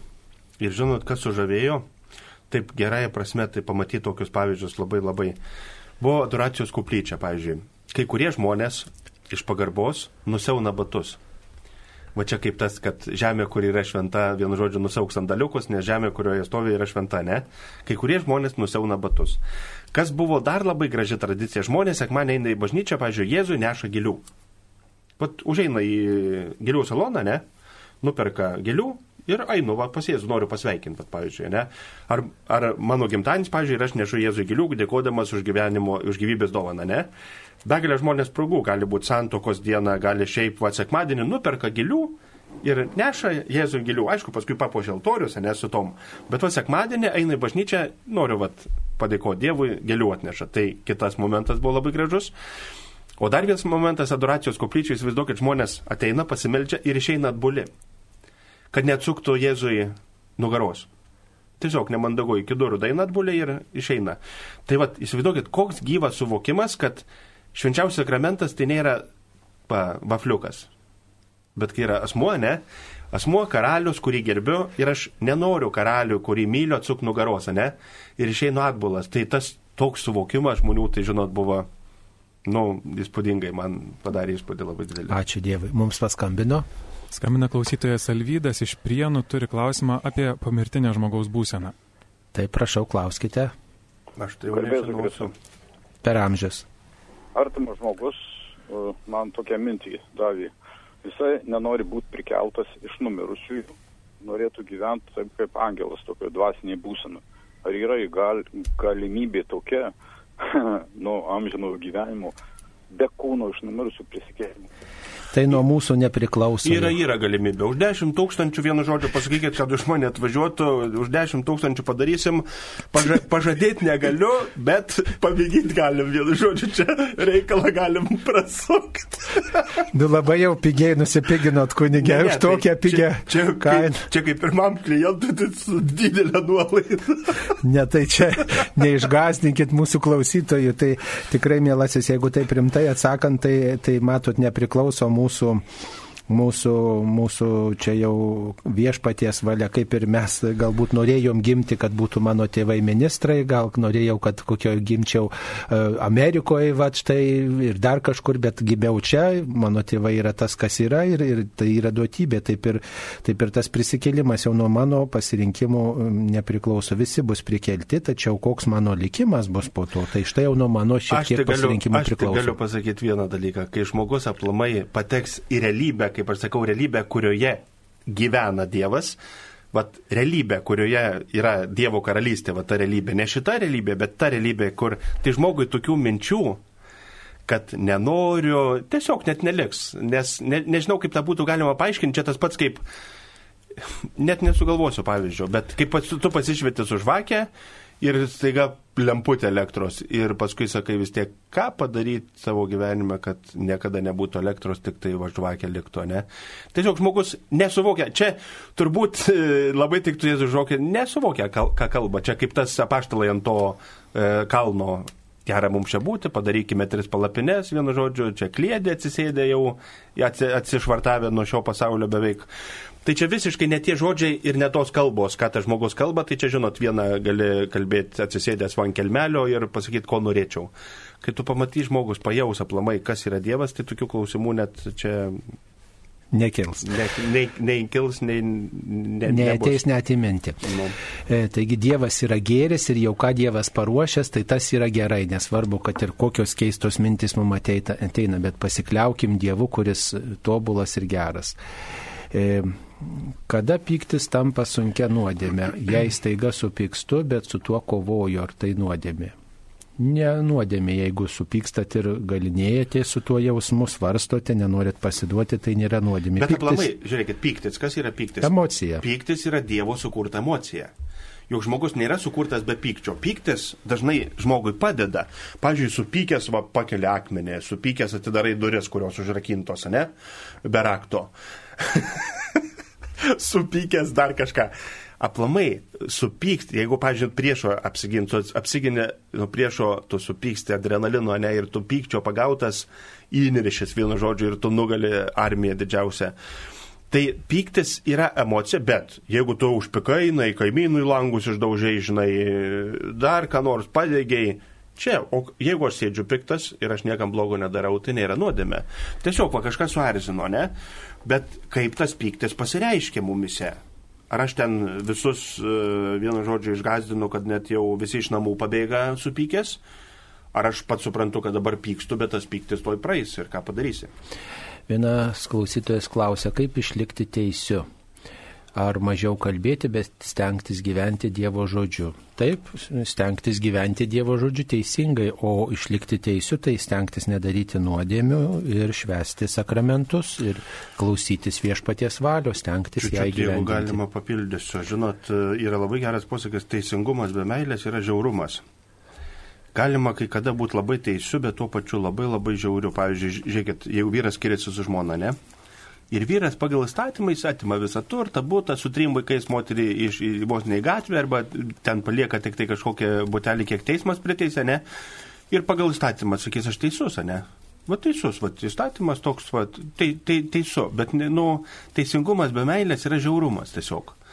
Tai ir ką dar noriu pasakyti, kad žmonės maiša, e, tokį dalyką maišo kaip būti šventu ir būti tobulu yra du skirtingi dalykai yra, to, jeigu mes galėtume sakyti, tokių į tobulumą linkusių žmonių, preciziškai tokie, ne, nu, vat, ką mes galėtume sakyti žmogaus akimis, va tobulas žmogus, bet jam iki šventumo toli, toli, toli, toli, toli. Yra begalė žmonių, kuriuos galėtume pavadinti šventais, bet jiem iki tobulumo toli, toli, toli, toli. Tai jūs norėkit būti neteisus ir ar tobulas, o šventas ir viskas susidėlios į savo vietas. O šventą žmogų daro tai, ką žmogus daro dėl Dievo meilės. Vat, dėl Dievo meilės. Vat, ką gali padaryti dėl Dievo meilės? Kiti net sekmanį bažnyčią negali ateiti dėl Dievo meilės, nekalbant apie kitus dalykus. Bet čia turbūt vėl tiktų tas pavyzdys, kai vaikas svajoja, mamai sako, kai aš užauksiu, aš būsiu ugnegesys ir aš bet kokiose gyvenimo situacijose gelbėsiu žmonės. Ir staiga mama tam vaikui sako, klausyk, nubėk į parduotuvę, parneš duonos. Ne, mama, dabar lyja. Tai va, vienu žodžiu, sėdi, svajoja, kaip jisai e, bet kokiom sąlygom ar lies, ar ugnis gelbė žmonės, o kai mama čia ir dabar paprašo duonos, tai jis dabar negali, nes matai lyja. Tai čia prisigalvotų dalykų, kad norėčiau ir, ir ko, bet tai, ką galim daryti dėl Dievo meilės čia ir dabar, yra pagrindas, o ne kaip išlikti teisiu. Galbūt būsi teisus, bet labai bus toli iki šventumo. Taip, mums paskambino Skambina klausytoja Irena iš Šiaulių, turi du klausimus. Taip, Irena, klauskite. Drąsiai. Garbė Jėzui Kristui. Per amžius. Pirmiausia, labai labai dėkoju kunigui Nikitikui už tą tokį gerą pozityvą, už nuostabų užtaisą, ne tik savaitėje, bet ir visiems kitiem laikam. E, dabar norėčiau paklausti tokį, tokius trumpus klausimėlius kada suteikiamas monsinjoro laipsnis ar pareigybė, ar e, už kokius nuopelnus. E, tai čia vienas. Už, už, užtilėjimą, užtilėjimą dažniausiai. Ordinaras, monsinjoras laipsnis. Taip. Ar ordinaras vietinis, ar čia šventasis sostas e, tarpininkauja. Toliau kitas klausimėlis, kur geriau įmesti žodžiu, auką ar bažnyčioje esančioje dėžutėje, Marijos radijai turiu omenyje, ar geriau telefonu aukoti, kaip greičiau pasiekia. Toliau tokį, tokį turiu, turiu trečią klausimėlį ir pasiūlymą gal. Ačiū, kad buvo e, atliktas akatistas čia kunigui Sauliui ir ar nebūtų galima, nu, nežinau, čia toks, tokie mano apmąstymai, parašyti, padaryti gerus įrašus dabar, kai turėsite naują aparatūrą, kad ir pavyzdžiui, Šiluvoj buvo atliktas akatistas e, koply, koplyčioje. Nu, aišku, jūs sugalvosite geriau į akatistą, dar e, magnifikat, nu, tokias labai labai e, sakrales giesmes ir jie sudėti kompaktą ir tarkim savanoriai važiuoja po bažnyčias ir tarkim, nu, už auką, tarkim, ar 50 eurų, ar ką parduoti tą akatis, tą, tą kompaktą. Labai būtų malonu turėti tokį dalyką. Ir dar, jeigu galima, praeitą ketvirtadienį mm, kunigų Vietrauškai buvo toks klausimas, e, kur dingo iš Ančių bažnyčios Marijos stebuklingai, stebuklais garsėjama statulėlė. Kunigas Vieprauskas sako, nežinau, bet kadangi kunigas Nikitiukas iš Ančių gal žinotų, tam žmogui atsakyti čia ne. Tai va, labai labai ačiū ir Ačiū Jums už klausimus. Vakar, vakar mes turėjom kalėjimo kapeliono susirinkimą ir vienas kunigas manęs klausė, sako, Beprauskui uždavė klausimą apie stebuklingą Marijos statulėlę šančiuose. Tai aš, aš tam kunigui sakau, viena, vienas dalykas, tai Veprauskas buvo šančiuose 11 metų. E, tai jeigu jau Veprauskas nežino, Tai aš galvoju, kad ta jau statulėlė stebuklinga dabar bus nešančiuose Aukarmėlavui pas, pas Veprauską ir slepia, kad niekas nežino. O kitas dalykas, aš irgi nesu apie tai girdėjęs, bet jeigu ir yra, tai mes ją rasim, aš garantuoju, kad rasim. Ir aišku, džiugu, kad nukonkuruosim šilovos atlaidus, sakysim, ką ten tas paveiksliukas, jūs geriau atvažiuokit į, į šančius, pamatysit statulėlę stebuklingą, kokius stebuklus daro. Tai čia gera mintis ir aš manau, kad išvystysiu aš tą pamaldumą į, į Mariją šančiuose. Jeigu surasit statulėlę. Surasim, nesvarbu, rasim. Čia, čia be, be abejonės. Tai dabar kiti klausimai buvo, už ką duoda monsenjora? Už, už tylėjimą. Žinot, yra toks varna tupi ir papūga narve. Ir varna klausia papūgos, kodėl tu narve? Papūga sako, dėl to, kad aš kalbu, dėl to aš ir darbe. tai, tai va, žinot, reikia daug dalykų, papulti ir geroj vietoj, gerų laiko.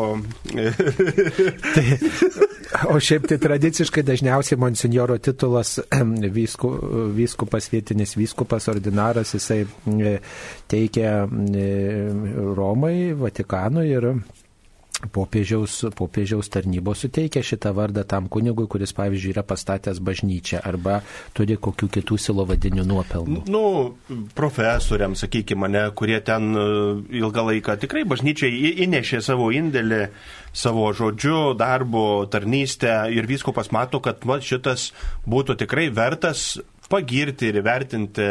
Bet popiežius Pranciškus dabar jau šitus dalykus sustabdė ir nebedalinami tokie. Dieve, kaip gaila, šių ir sagas raudonas nusipirkau. Teks padovanot kam nors. Ir, ir siūlų raudonų jau visokių prie darbo. Šeimininkiai padovanosit. Gerai. Pasis... Dabar dėl, dėl reiškia, akatisto, akatisto mm, įrašų, matot, tradiciškai Marijos radijas mm, tokia komercinė veikla neusijima.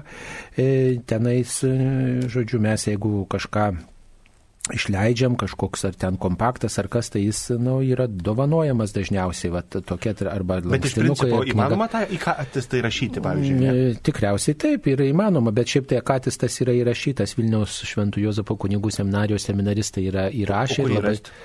Tai jau turbūt yra išplatintas kunigų seminarijoje Vilniuje, yra tas išleista, bet jau jie turbūt išplatina, ten yra labai gražiai, labai kokybiškai įgėdota. Ten, nu, reikia, kelios... man, aš irgi labai noriu, kad jis ten, nes jis mane labai labai veža. Pakilėtai nuteikė. Taip.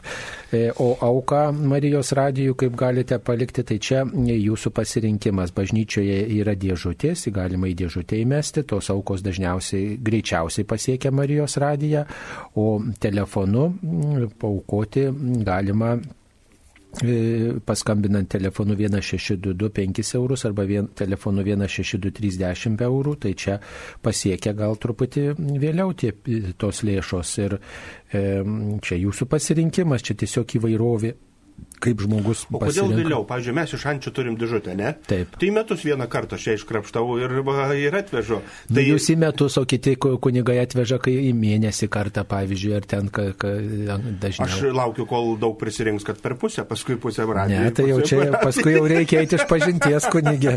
O... tai aš, aš taigi nesau pasiemu parapiją, kokią čia. Parapiją, bet jo. jeigu žmonės aukojo Marijos radijai, tai jau čia nusidedat. Pasitaisykit kunigė. Gerai. Taip, tai dabar dar vienas klausimas. Ar galima pasitikėti Mikaldos pranašystėmis? Kunigė, skaitot Mikaldos pranašystės? Kiekvieną vakarą prieš miegą, vienu žodžiu.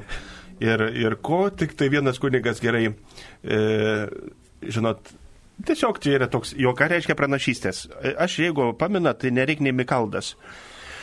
Čia kalbant nesąmonės, visada gali ką nors atspėti. Aš atsimenu tais metais, kada popiežius buvo Lietuvoje. E, kuris popiežius. Pranciškus. Pranciškus. Kelintais metais? 17. Ne, 18. 18, nu taip. Tai va, aš 18 metų, jeigu jūs susirastumėte 18 metų balandžio pirmos Marijos radio laidą Klaus drąsiai balandžio pirmą. Ir galvoju, nu kaip čia ką nors taip balandžio pirmą pameluot, kad žmonės šokiruoti, ne? Ir aš 2018 metais, balandžio pirmą dieną, Marijos e, radio klausytojams sakau, žinot, pasakysiu jums naujieną. Šiais metais į Lietuvą atvažiuos popiežius. Niekas apie tai nežinojo. Vat pasakiau kaip nu juoką, ne, kad vat nustebint žmonės. Praeina mėnesis du, kurat paaiškėja, kad popiežius atvažiuos į Lietuvą, ne? Ir atsisveikinamas su Marijos radija, sakau, ir dar viena labai gera žinia. Vyskupą Kestutį Kievalą paskyrė telšių vyskupą vis, nuo ordinaro. Praėjo savaitę laiką iš tikrųjų jisai ir sužina, kad jį paskyrė. Tai jūs pranašas gal? Taip, tai ką ir norėjau pasakyti, Mikalda prieš mane tai yra nulis. Jeigu ko reikia, pasimkit pensiją ir važiuokit pas mane iš ančios, aš vienu žodžiu viską pasakysiu, iš pranašausiu, kaip sakant. Būkite atsargus. Ko tik jums reikia, kaip sakant, jūs tik pasakykit, ko reikia ir aš sutvarkysiu reikalus. Gerai, bet šiaip Mikaldos pranašystėm patartume neskaityti, ne, netikėti, nes tai su krikščioniška mintim neturi nieko bendra. Čia jau rimtai ir tikrai. O dabar skambutis, mums paskambino. Skambina Kazimieras iš Vilnius. Taip, klausimą. Kazimierai, klauskite. Gerbėjai Zikris. Per amžius. Per amžius. Čia pasi, tokia žinia pasi, jis pasigirdo iš Suomijos, kad ten už e, Biblijos e, aiškinimą te, teisiami e, žmonės. Tai vien, gal jūs ką nors galėtumėt pakomentuoti šito, šitam, šito klausimu. Ir dar vieną, vieno komentaro norėčiau šitą š, kryžių kalnę kažkoks tai įvyko incidentas su Dano ar kieno režisierium. Ten, e, tai vad, du tokie būtų mano klausimukai. Nu tai aišku, kad kryžių kalne ten mm, turėtų būti, kryžių kalne ten spektaklis kažkoks buvo statomas ir nederamai buvo elgiamas ir tai, kaip suprantu, nebuvo tas suderinta su mm, Šiaulių viskupijos kurie, ten pasaulietinės tarnybos, savivaldybės tarnybos leidimą buvo davę, bet neįsigilinę buvo į tai, kas ten daroma iki galo ir e, aišku, kad ten su, sakrale kryžių kalno reikšme truputį prasilenkta švelniai tariant. Tai čia įsikišę yra tarnybos teisė, teisininkai įsikišę, kaip sakant, bylos iškeltos dėl sakralaus objekto išniekinimo, nu tai lauksime, kokie bus rezultatai. O dėl e, Suomijos, tai aišku, kad e, dėl krikščioniškų pozicijų žmonės, dėl krikščioniškų pasisakymų, dėl tam tikrų įžvalgų yra, yra kaip sakant, niekinami, yra skriaudžiami. Tai čia tas procesas vyksta pasaulyje ir Dieve duo, kad, kaip sakant, sustotų laiku, kad neįsisiubuotų, kad žmonės galėtų turėti įsitikinimus ir juos laisvai reikšti ir dėl jų nebūtų skriaudžiami. Tai čia ir popiežius meldėsi visą, visą sausio mėnesį, kad dėl religijos žmonės nebūtų diskriminuojami. Bet labai įdomus dalykas, pavyzdžiui, ne viena pasaulyje religija turbūt nėra persiekimai skyrus krikščionybę. Pavyzdžiui, nu, aš niekur nesu girdėjęs, kad islamas būtų kur nors persiekiamas, ne? Nu, nežinau, kuo viskas baigsis. Jo, bet dabar šiuo atveju, ne? Aš kiek žinau, per metus vienai per kitaip susiję, susiję, susiję su tikėjimu miršta apie 250 tūkstančių krikščionių. krikščionių. Kai jie ten per visokius neramumus, suskaldimus žūsta. Nu niekur nežūsta nei hinduistai, nei budistai, nei islamistai, ne? Ir keista, bet iš tikrųjų, kodėl vat, pasaulyje yra persiekojama krikščionybė. Tai čia atsakymas yra, kad jinai yra iš tikrųjų tikra religija. Nes vieną kartą kažkoks vyskupas Amerikos berots yra gerai pasakęs, sako, jeigu nebūtumėt katalikas, kokią religiją rinktumėtės? Sako, ta, kuri labiausiai persiekojama, nes tikėtina, kad jinai tikra.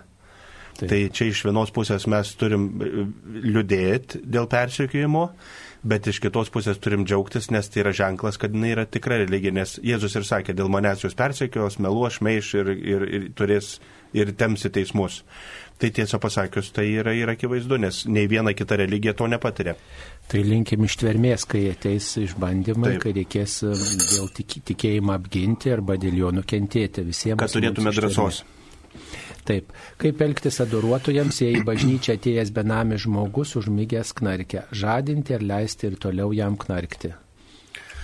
Tai žinoma, kad, žinot, vis tiek bažnyčia nėra, gal į kitą vietą galima žmogų palidėti, jeigu jisai nori toliau knarkti, juk parapijų gal yra kokie parapijos namai, kažkas gali tą padaryti ir, ir, ir tam žmogui padėti ir pabudėti su juo ar pabūti, bet toj bažnyčiai, kad ten yra knarkė, ne, tiesiog tai yra trikdymas e, viešosios tvarkos, nes vis dėlto tai yra, nu kaip sakyti, bažnyčia sakralus objektas ir jisai skirtas ne knarkimui, o kitiem dalykam. Žmogui gal jo nereikia išmesti gatvę, tiesiog surasti kitą vietą, bet leisti knarkti ir vis paversti vienu žodžiu tokio patyčio objektų nereikėtų.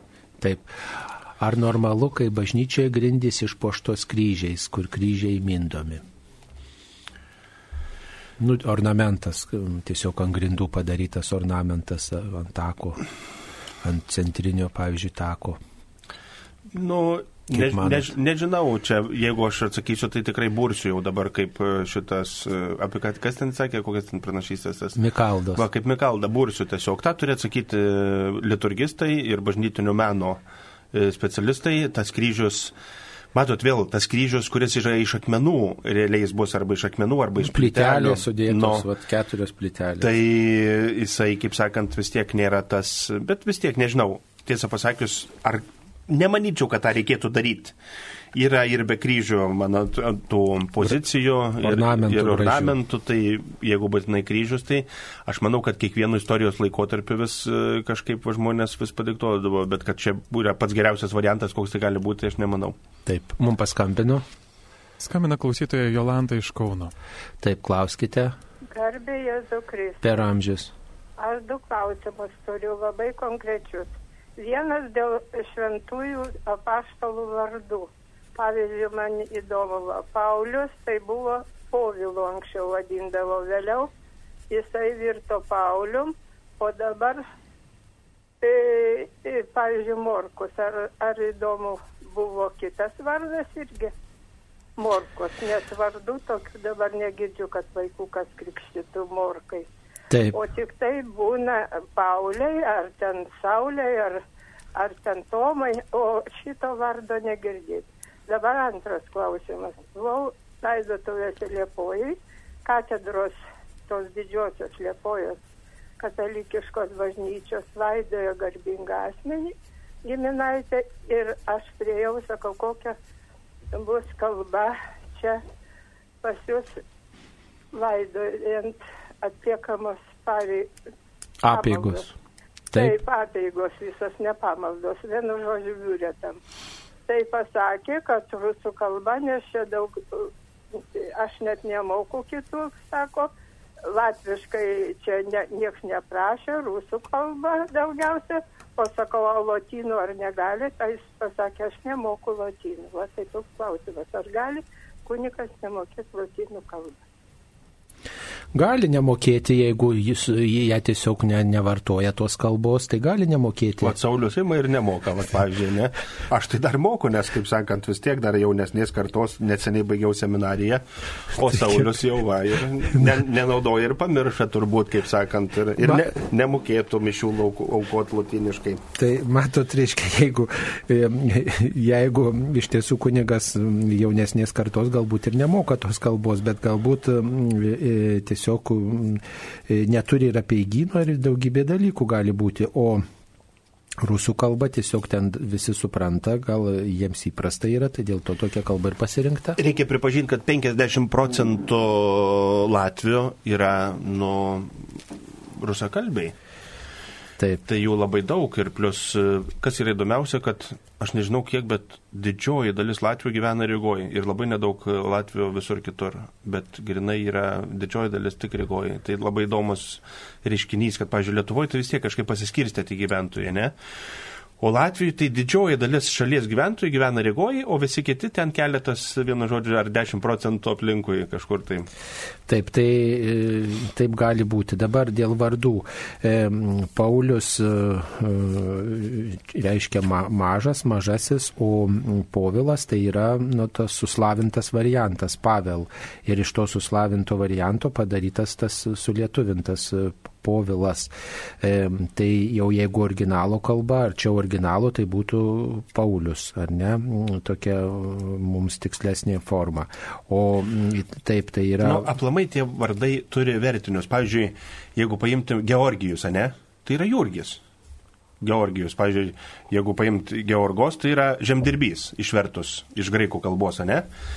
Tai vad, Georgijus, o čia Jurgis. Tai tie vardai, pažiūrėjau, irgi nebuvo Juozapas. Ne Juozapas buvo, jeigu originalą, tai ne Juozapas, ten kitaip jisai skambėtų. Jie, kad ir Jėzus ten, žinai, irgi nėra Jėzus. Čia mūsų sulietuvinti tie vardai ten. Ir mes pasakom e, angliškai irgi Jonas, Jonas, ne? Vat, Jonas. Tai čia lygiai taip pat čia ir tie, arba jūs paimkite Mariją Magdalietę, ne? Nu, va, kaip Kaupienė, Kazlauskienė, Kliaupienė. Nu, man nieks neįtikės, kad ten Kliaupienė ir buvo šventajame rašte Kliaupienė. Išvertė, va, kai ištekėjus moteris, Kliaupienė ir vienu žodžiu kaip ir Šukutienė. Na, va, kaip gerai. tai, o Morkus tai yra ne paštalas, va, bet yra evangelistas Morkus. Ir, nu, tiesiog nėra tokios tradicijos, kad lietuvių būtų vardai. Jis, jisai gal buvo Markas koks nors. Taip, bet yra Mark toksai kitose tautose. No. Yra tokių vardų, kur duodama berniukui, bet Lietuvoje vienas kitas gali ir pasitaiko. Bet, bet tikrai nėra paplitęs. Tai čia tiesiog kokios tradicijos paplitę. Taip, čia, čia yra versti. Taip, dabar dar vienas klausimas. Mm, agotos duona prarado skonį, gavo kartumą, suvalgyti nesigauna, ką su ją dabar daryti. Tai ją reikia ištirpinti ir palaistyti gėlės arba palaistyti medelius laukia, išmesti negalima. Arba į ugnytę. Jeigu ugnytę, jeigu turite pečių. E, taip, dar viena. Į laužiuką. Žinutė. Prašau patarti, kaip melstis, nes aš melžiuosi skubotai. Tai gerai, tai kad melžiatės. Norim patarti, kad melstutės lėčiau. lėčiau, taip. Na, paprasčiausiai mm, ruoškitės maldai, galvokite apie maldą, galbūt skirkit laiko arba kada jau turite daugiau laiko, stenkitės melstis. Turiu žmoną suvedęs, kai tik vis dar pamatau simpatišką merginą ar moterį, atkreipiu ją dėmesį ir noriu pakalbinti, pabendrauti ir galbūt pavangelizuoti, ar kaip katalikas nedarau nuodėmės. Aš irgi, kai pamatau gražią moterį, noriu pavangelizuoti. tai, tai jau ar darot nuodėmę? O kai negražią pamatot, kaip tada? Nu, netaip ilgai noriu evangelizuoti, juokaujam iš tikrųjų, ne. Tai matot, mėlyje, čia reikėtų daryti vieną dalyką, kad dėl nevertui, neveltui seniau bažnyčių buvo vyrų pusė, moterų pusė, ne? Aš nežinau, moteriam turbūt kitaip, bet vyrai tiesiog yra genetiškai, kiti jie visada atkreips. Modifikuoti. Į, į dėmesį, į, į, į tokio, kaip sakyt, į moterį, į plaukus, į, į, į, į, į išvaizdą, ne? Tai čia gali ką nori padaryti ir tu sureaguosi į tai ir tu niekaip nepadarysi taip, kad tu netkreiptum į tai dėmesį. Bet vėl, vad, ką su tuo darom? Čia yra labai geras posakis, eina du vienuoliai prieina upė, reikia perbristi ir, ir graži moteris stovi. Nu ir jinai sako, tu vienuolių perneškit mane per upę. Vienas vienuolis paėmė ją ant rankų ir pernešė. Eina, eina, eina, eina, žinot, tie vienuoliai gal jau nuėjo kažkiek perbridę ir kitas sako, bet kaip tu galėjai, sako, tu vienuolis ir tu pernešiai moterį.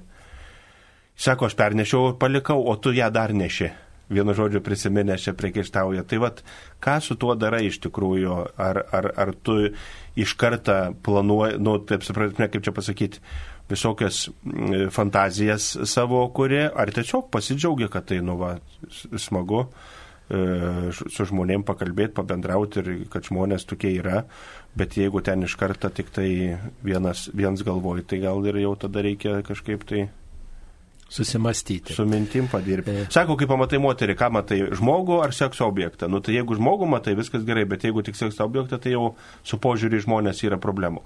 Taip. Tai patartume tikrai atsargiai su, su tuo bendravimu, su moterimis. Vienu žodžiu, šitas savo problemas papasakokit savo žmonai, na jas greitai spręs. Taip.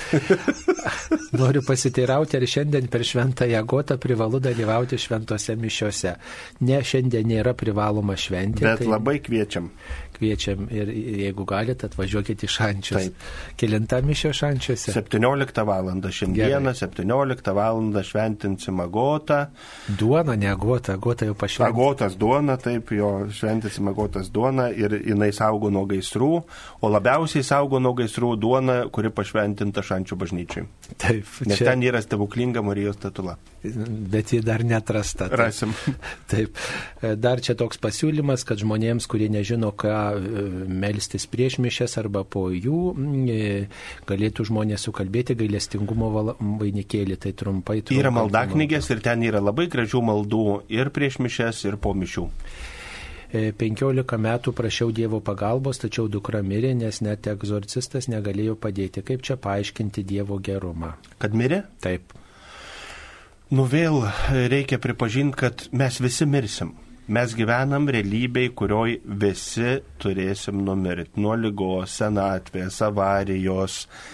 Tiesiog Ir vėl čia problema yra su laiku, vat mums atrodo kažkas mirė dabar, kažkas mirs paskiau, bet iš tikrųjų jūs pažiūrėkit iš realybės, kur nėra laika. Kaip aš sakau, sunku tą suvokti, bet mes visi mirsim vienu metu. Nes die, mes gyvenam realybėj, kuriai yra laikas, o Dievas gyvena realybėj, kur nėra laiko. Tai ta mirtis ir būtent yra susijęs su ta realybė, kur yra laikas. Ir vat mirte turėsi numirti, reiškia, suvoksi savo pabaigą, pasidarysi, ypatingai išgyvensi savo kūriniškumą kaip kūrinys, tu esi, tu negali savo prailginti savo gyvenimo. Tai vad mes išgyvenam, tas reikės numirti, mes išgy... žmogus yra sukurtas amžinybei. Ir tas suvokimas, kad reikės numirti, kai kuriuos varo iš proto žmonės, ir tai yra visiems mums problema, problema, mes nenorim mirti, bet mums reikės numirti, tai čia vėl, kaip sakiau, Dievas nepasijėmė, o Dievas priėmė. Dievas negali pasiimti. Jeigu jis pasiimtų, ne, nuspręstų ten iš vaikų atimtų mamą ir visą kitą, nu koks jisai Dievas, jis būtų sadistas, jisai būtų, nu, negailestingas režisierius kažkoks tai galiausiai, ne? Bet kai Dievas myli, jisai gali tik priimti, o ne pasiimti. Čia aš labai gerai parapiečiam atsakiau, man atėjo toks suvokimas, kai kiti tikita reinkarnacija. Aš ten gimiau, praeitam gyvenime buvau šunim, kitas kate. Įdomu tai, kad niekas nesako, kad buvau keulė, niekas nesako, kad praeitam gyvenime. Ir aš sugalvojau tokį atsakymą, atėjo toks supratimas man iš viešpaties, kad mėlyjeji reinkarnacija visiškai prieštarauja meiliai. Įsivaizduokit, jeigu dabar vat, mirė žmogus, ne? Artimas, mylimas žmogus ir sakai, ko čia verkia, tai na, iki vaikų namus pasimk kitą vaiką. Sakai, man kitą nereikia aš anu noriu, aš aną myliu, ne? Tai koks tau skirtumas? Vat pagal reinkarnaciją, ne? Tai reiškia, koks tau skirtumas, kas tu esi? Jeigu mes kalbam apie Dievą, kuris myli, jam nereikia kito, jam reikia manęs, o ne kažko kito, ne? Tai arba vyras numirė ir moteris verkia vyro, tai ko čia verkia, naikvai, nakvynės namus pasimsi kokį nori, iškosi, nusiprausi, apsikirpsi ir turėsi kitą tą vyrą, ne? Sakai, man kitą nereikia, man reikia to man ne, netink su kitu, kitam kūne tas žmogus, ne, jis man turi būti ta siela ir tam kūne, nes aš tą mylėjau. Tai va žmonės kažkaip užmiršta, kad jeigu Dievas yra mylintis, reinkarnacija yra tiesiog neįmanoma.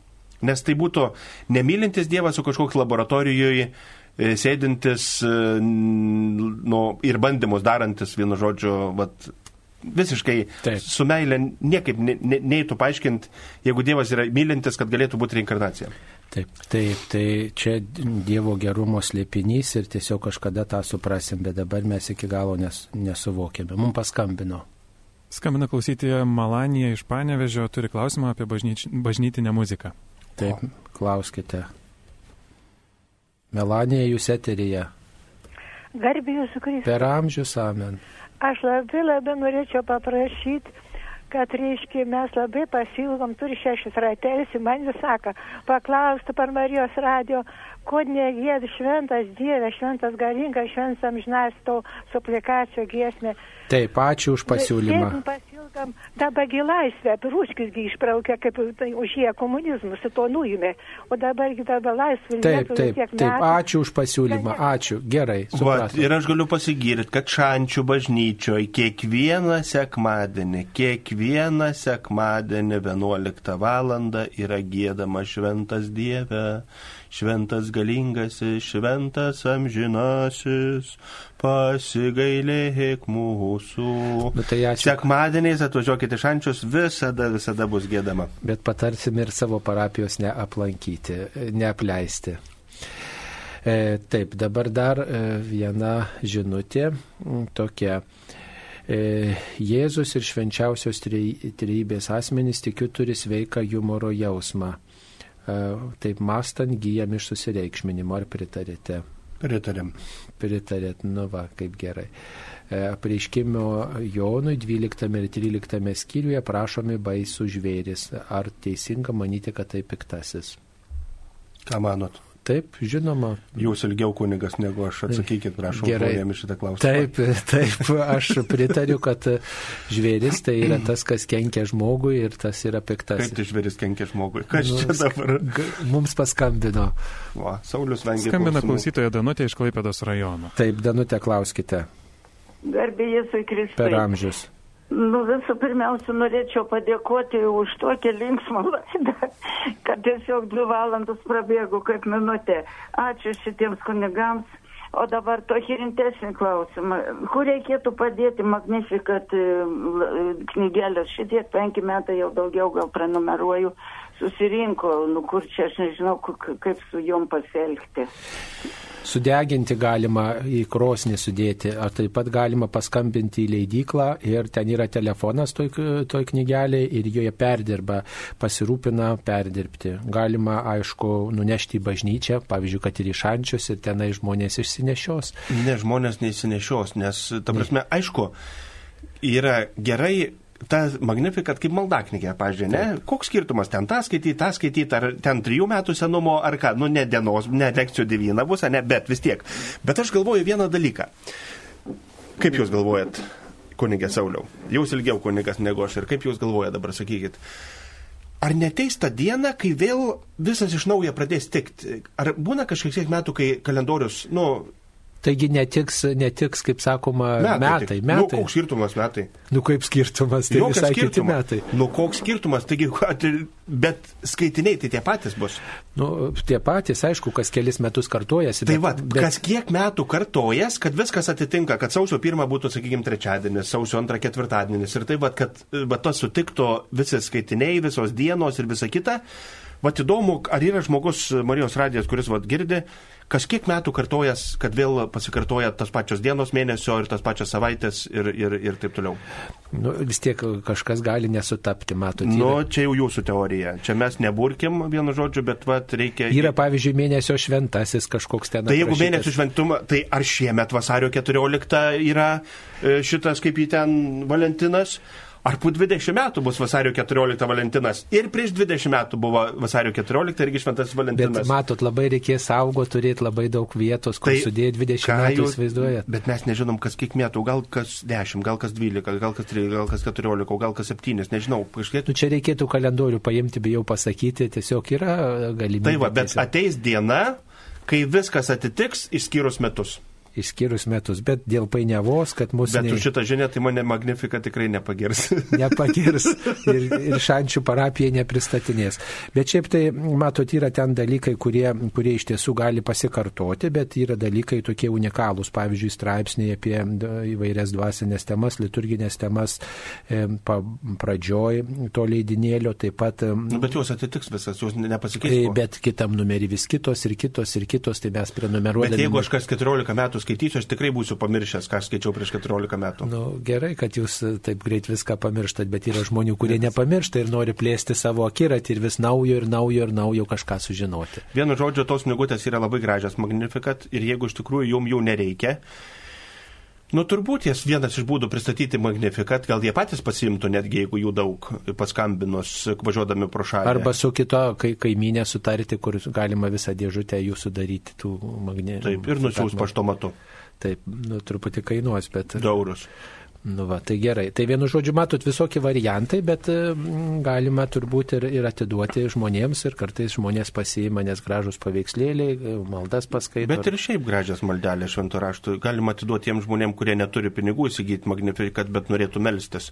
Kad įdomu į kalėjimus, pavyzdžiui, jeigu nusiųsti irgi senus. Taip, tai visokie variantai. Prieš mišes e, rožinį melčiasi dažniausiai nedidelė grupelė žmonių, kiti neįsitraukia. O gal verta leisti pabūti 15-30 minučių tyloje prieš švenčiausiai sakramentą. Tai tyloje būnama visų kitų laikų, kai žmonės susirenka, galbūt tikrai galima melstis rožinį. Mums paskambino. Skambina klausytoja Marija iš Vilnius. Taip, Marija, klauskite. Pirmiausia, norėčiau paklausti, paskutinis įvykis sausio 13. Kodėl vyko susiskaldimas e, Lietuvoje, tai ten yra komunistai, kurie Tarybų sąjungos ilgis ir toliau, bet kodėl kunigai susiskaldė, nejaugi vyskupas Kauneckas, nejaugi nusibodo laisvė, kad Europą niekinti visą kitą ir taip toliau. Nejaugi jau jie užmiršo, ką su mumis veikia sovietai ir tie komunistai. Landsbergis dabar kalčiausias. Atsakykit nors trumpai, nes čia daug kam rūpi. Mes galbūt ir turim savo asmeninės nuomonės, bet bet kokiu atveju, ką be pasakytume, vis tiek tai bus politika. Tai ką be pasakytume to klausimu, bus politika ir per Marijos radiją politikuoti, tiesą pasakius, tai mm, taip. Kaip aš sakau, kunigai negali agituoti už ką balsuoti, pavyzdžiui, ne, negali balsuoti. Tai aš sakiau ateinančius rinkimus, nesakysiu už ką balsuoti, aš tik pasakysiu už ką nebalsuoti. Taip, gerai, tai tikrai melskitės, kad to susiskaldimo, priešiškumo būtų mažiau ir kad mes tikrai kuo greičiau susitaikytume, skirtingų nuomonių turėtų ir bent jau gerbtume vieni kitus daugiau ir nebūtų manipuliuojama žmonėmis.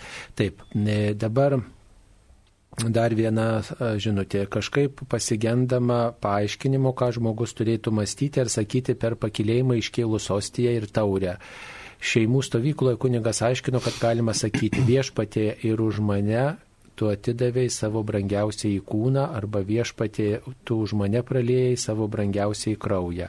Šios vietos jokie maldynai neaiškina, kaip paaiškinti vaikams besiruošiantiems pirmąją komunijai. Nėra nustatyta oficialiai, ką reikia sakyti, tylėti, kalbėti ar ką, bet vienur sako, viena moteris visai neseniai pasakė ketvirtadienį, sakė pas jūs parapijoje, kuri nuaugo, kai kunigas iškeldavo Ostija sakydavo mano viešpats ir mano Dievas, visa bažnyčia. Mano viešpats ir mano Dievas. Kai iškeldavo taurę, sakydavo, garbinkime švenčiausią sakramentą, mūsų viešpaties Jėzaus tikrai kūną ir kraują, dabar ir visada ir per amžius amen. Tai to galima ir dabar daryti taip, tyloje? Taip, galima tyloje, galima sakyti mano viešpats ir mano Dievas, galima sakyti viešpatė pasigailėk manęs nusidėjėlio, garbinkime švenčiausiai sakramentą, mano viešpats ir mano Dievas ir kokie, ką kai tik sakėt ten kažkokią maldelę, viskas yra tinkama e, sakyti tuo metu pagarbinant viešpatį, kai yra, nes kai yra iškelta eucharistiniai pavydalai, tai galima sakyti, ten tru, kelias sekundės yra trunkanti adoracija, tai mes pagarbinam viešpatį. Taip, mums paskambino. Skambina klausytojas Vincas iš Alitaus, turi komentarą apie Magnifikat leidinius. Prašau. Taip, trumpai, prašom. Garbėjai Jėzui Kristui. Per amžius. Man, man čia šita problema buvo iškilus kažkaip irgi kalendorių daug turėjau ir kur tai iškilo klausimas, neatsimenu jau senai. Taip. Tai aš atsimenu, kad liktai kas 11 metų atitinka kalendoriai. Va. Bet dabar staigiai aš negaliu, kaip sakoma, užgarantuoti, bet nes, irgi va nespėjau pasitikrinti prieš laidą. Gerai, tai supratom, supratom, ačiū. laiko. Tai ačiū labai, iš tikrųjų, garantuotai. Tai va, kas 11 metų jau turės magnifikat ir po 11 metų vėl trukt iš pradžių, trukt už vadžių ir vėl iš pradžių ir nereiks pirkti tada vėl ir popierius taupysis, o metus galima ir su plamasteriu nusipiešti kitus. Gerai, supratom. Kas siuva kunigams Arnotus, Albas, Kamžas, Tulas ir aplamai visus rūbus viskopams metras? Va dabar Siuvyklos. pirmadienį važiuosiu į Šiaulius pas tokią moterį, kuri Šiauliuose e, siuva labai garsi popiežiai yra pasiuvus Arnotą Šiaulių vyskupui, ne vieną Kauno arkivyskupui, Kestučiui Kievalui, Palendrių vienuolynui. E, Šiauliuose yra moteris, menininkė, tekstilininkė ir kuri kuria. Ir... O šiaip tik ką, kaip ir maisto produktus, kaip bedronka Lenkijoje, taip ir rūbai Lenkijoje, kunigų, žinokit, viską perkam Lenkijoje, sutanas Lenkijoje, aš tai neturiu ne vienot lenkiškas, aš esu nacionalistas, tai aš lietuviškas nešioju sutanas, bet kiti kunigai tai yra, kaip sakant, e, nešioja, bet baltiniai lenkiški arba itališki. Ir sutanas tikrai didžioji dalis kunigų, bet Lietuvoje gal ir yra vienas kitas siuvėjas, bet kažkaip labai nė, nėra, nėra žinoma. Telšiuosi siuva rūbus, e, sutanas ir liturginius rūbus. Taip, o jums šeimininkė tikriausiai pasiuva. O man tai ne, aš labdaroj randu, biški persiuva ir man tinka gerai, aš ne, nesu išpuikęs, tai man visai Gerai, gerai. supratom. Dabar mums paskambino. Skambina Marytė iš Visagino. Taip, Marytė, klauskite. Vienas arnutas, tarp kitko, kainuoja 1000 eurų. Taip, mums paskambino. Ga, garbėzui Kristui. Per amžius. Aš girdėjau sakant, kad e, mano mama nusiplovė krikštą. Mane ta žinia kaip su kokiu šaltu vandeniu perlėjo. Ir aš jai sakau, tai neįmanoma, o gal aš klystu. Ačiū Jums už atsakymą, esate tikrai nuostabus kunigai, nuostabi Jūsų laida. Dėkoju nuoširdžiai. Taip, nekly, iš tiesų tai negalima krikšto nuplauti. Krikštas yra visiems laikams. Galima tik tai nekrikščioniškai gyventi ir tokiu būdu atsižadėti Dievo, bet krikštas įspaudžiamas visiems laikams. Jis turi ant gamtinę visiškai žymę, kai žmogus patenka į tą pakrikštytųjų, žinot, kaip sako e, būrė, pilietybė dangaus, Jėzus už jį ypatingai būna, e, žinot, dalyvauja tas žmogus išganimo įvykiuose, jis gali to nenorėti, kaip tas žmogus, va, kur sakė, nenori prisikelti, ne?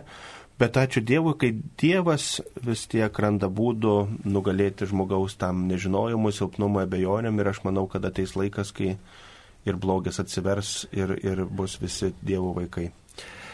Per grabnyčias yra šventinamos žvakės, ar kunigas turėtų skaityti maldą, žvakės milkyti, šlakstyti vandeniu, kaip man žinoti, kad mano žvakės buvo pašventintos. Jūsų žvakės buvo pašventintos visų pirmiausia tai intencija tą daryti, ateina, atėjusi bažnyčia, o ten, jeigu švestų, matot, yra esminis malda, kad ir švestų vandeniu nešlakstysi nieko tokio, jeigu nesmilkysi nieko tokio, Esmė yra, kad kunigas, kuris yra pašventintas asmuo, kalba maldą. Ir taip kunigas gali ir palaiminti ir namus, ir žvakes, ir kitą vandenį pasisėmęs iš krano ar šaltinio, ar kitur, vienu žodžiu, juk iš kur atsiranda šventas vanduo, taigi nevežam jo iš Vatikano. Kiekvieną sekmadienį Zakrastijonas, pavyzdžiui, į rondeliuką pripila vandens ir kunigas prieš sumą jį pašventina. Vat, pavyzdžiui, ten yra Velykų laiko vandens pašventinimo malda, eilinio laiko vandens pašventinimo malda. Taigi jau neveža fūrum iš Vatikano ir visas bažnyčias išsidalina rundeliukais vienu žodžiu šventinta vandens. Kunigas, būdamas pašventintas ir gavęs bažnyčios pasiuntinybę ir įgaliojimus, tą padaro, kitaip tariant, ne kunigas, o Kristus, kuris veikia per kunigystės sakramentą. E, kai kunigas teikia ligonių patepimą, tai Kristus gydo, kai kunigas krikštyje Kristus krikštyje, kitaip tariant, Kristus veikia per šitą į kaip į ten va tokius kunigus kaip Saulis. Taip. Kur dėti seną pašventintą duoną jau paaiškinome, šventinti reikia kiekvienais metais. Taip, pašventinam kiekvienais metais iš dėkingumo Dievui. Ir, Ką pašventinam? Nu, duona pašventinama kiekvienais metais. Nu, net nesminima gota. Taip, minita gota, o sena nenustoja galios, bet ji tiesiog, jeigu matom, kad, nu, tiesiog ar kartais gal, žinot, materiali medžiaga, tiesiog natūrali, gal kartais ir vabaliukas koks apsigyvena ar panašiai. Dar skaniau, taigi su rebaliuku gaunas. Nu, va, bet, bet, žodžiu, sena nenustoja galios, bet dažniausiai jinai pakeičiama nauja yra, o sena arba suvalgoma, arba tiesiog jinai ištirpinama vandenį ir išpilama ant augalų. Keisti tie žmonės, keulieną valgo, vabaliukų nevalgo, taigi tie kirminiukai daug sveikiau negu keulieną. Taip, e, dabar e, čia sako, kad magnifikat maldinėlius atidavė į senelių namus ir seneliai liko patenkinti.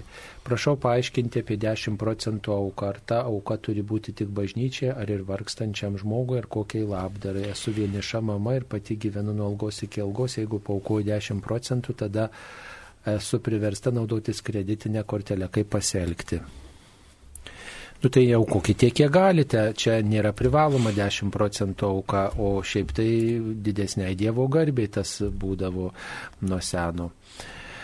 E, tai nėra privaloma, nėra privaloma ir jūs pasirinkite tiek, kiek galite aukoti, tai nėra įsakyta, kad jau, kaip sakoma, po nuodėmę. Dabar dar apie nuodėmę viena tokia, toks klausimas. Ar stoti į darbo biržą neturint tikslo susirasti darbą yra nuodėmė? Nu, tai jūs tikriausiai norite į darbo biržą stojate tam, kad būtų jums e, tam tikrai, reiškia, ir socialinės, e, socialinis draudimas ir, ir visa kita, gautumėte pašalpą, tai tikslas yra pragyventi, o kažkokiu būdu. Tai nėra nuodėmė turbūt į darbo biržą einama ne tik tai dėl to, kad aš neturiu darbo, kad ieško, suraščiau darbą, bet ir kad žmogus turėtų kažkokį pragyvenimą, turbūt dėl to. Bet... Nu, vienas dalykas, aišku, valstybė nėra guminė, ne? Valstybė nėra guminė ir visada žmogus turi žiūrėti savo situaciją. Jeigu jis iš tikrųjų neturi, nėra dar pensinio amžiaus, ne, ir jis neturi galimybės už ką apsidrausti socialiai, Nu tai žinoma, kad reikia eiti darbo biržą, nes valstybė pasirūpina tokiais žmonėm, kurie neturi. Jeigu turit vėl, nu reikia galvoti, iš tikrųjų, gal tuos, galit, pažiūrėjau, tuos uh, stoti darbo biržą, busit socialiai draustinas, bet pašalpą, kurią gaunat, paukot valstybei, pažiūrėjau, į koks ten yra visoks gerų darbų valstybės bendras fondas į mokesčių inspekciją. Nu ir viskas, ir bus, kaip sakant, Taip. Lygų, lygų. Dar vienas klausimas, kur dėti nebereikalinga šventintą kreidą galima sunaudoti mokykloje. Mokykloje nepatartume naudotis. Taigi, nes kai rūkštis pakyla suvalgyti ir tikrai kreida muša rūkšti labai. Kreida muša rūkšti, tai tikrai patartume kaip Jeigu vaistus. kada rūkštis sukils, rėmo kreidą suvalgot ir numuš. Bet e, tokiem profaniškam tikslams nepatartume naudoti. Na, čia siūloma laida apie vyrų tikėjimą, kadangi e, dabar atsirado vyrų maldos grupės, ačiū už idėją, bet svarbu, kad dalyvautų, dalyvautų taip pat ir vyrai ir įsipareigotų, nes ne visada lengva laidą parengti, jeigu žmonės nenori joje dalyvauti. Kalbam apie karo grėsmę, bet aš nekaupiu jokių maisto atsargų, nes pasitikiu Dievu, o gal blogai galvoju, gal reiktų pačiai rūpintis atsargomis ir tuomet gyventi pasitikėjimu. Na, būt, manau, kad tikrai karo nebus. Jeigu ir bus, tai jisai labai, nu, mažoji zonoje, tai žinot, vien Ukraina yra labai didelė. Jeigu Ukrainui kažkur kariautų, tai didžioji dalis Ukrainos, nu, nepajaustų tiesioginio karo, jeigu ten sakykime, kažkuri ka- kampe tik tai paliečia, pavyzdžiui, jeigu dabar Lenkijoje kažkas kariautų, tai mes Lietuvoje kaip pajaustume, nu niekaip. Tai jinai į parduotuvę ir nusipirkai. Tai čia tikrai gal psichologiškai nereikia gazdinti, reikia tikėtis geriausio ir, ir tikimės, kad karo nebus, nes kiekvieną sekmanį šančio gėdam saugok mus nuo karo, bado ir... Šiaip tai primenam, kad viskupai kviečia visą vasario mėnesį melstis už taiką ir tą reikėtų daryti, melstis už taiką ir galite tą daryti su Marijos radio rožinį, kai kalbame, tai yra 11.30, 14 val. arba vakare 19 val. ypatingai vakare arba privačiai tikrai viskupai kviečia ir melskimės rožinio malda, kad Lietuvoje ir Europoje ir visam pasaulyje būtų taika. Ir kadangi yra iškilęs pavojus taikai, tikrai būtų gražu, kad kiekvieną dieną per Marijos radiją būtų gėdama šventas Dieve, šventas galingas ir šventas amžinasis, ko aš jum ir linkiu. Taigi laidoje dalyvavo Šančių parapijų sklebonas kuningas Audrius Mikitiukas ir kuningas Saulis Bužauskas. Ačiū, sudė. Sudė.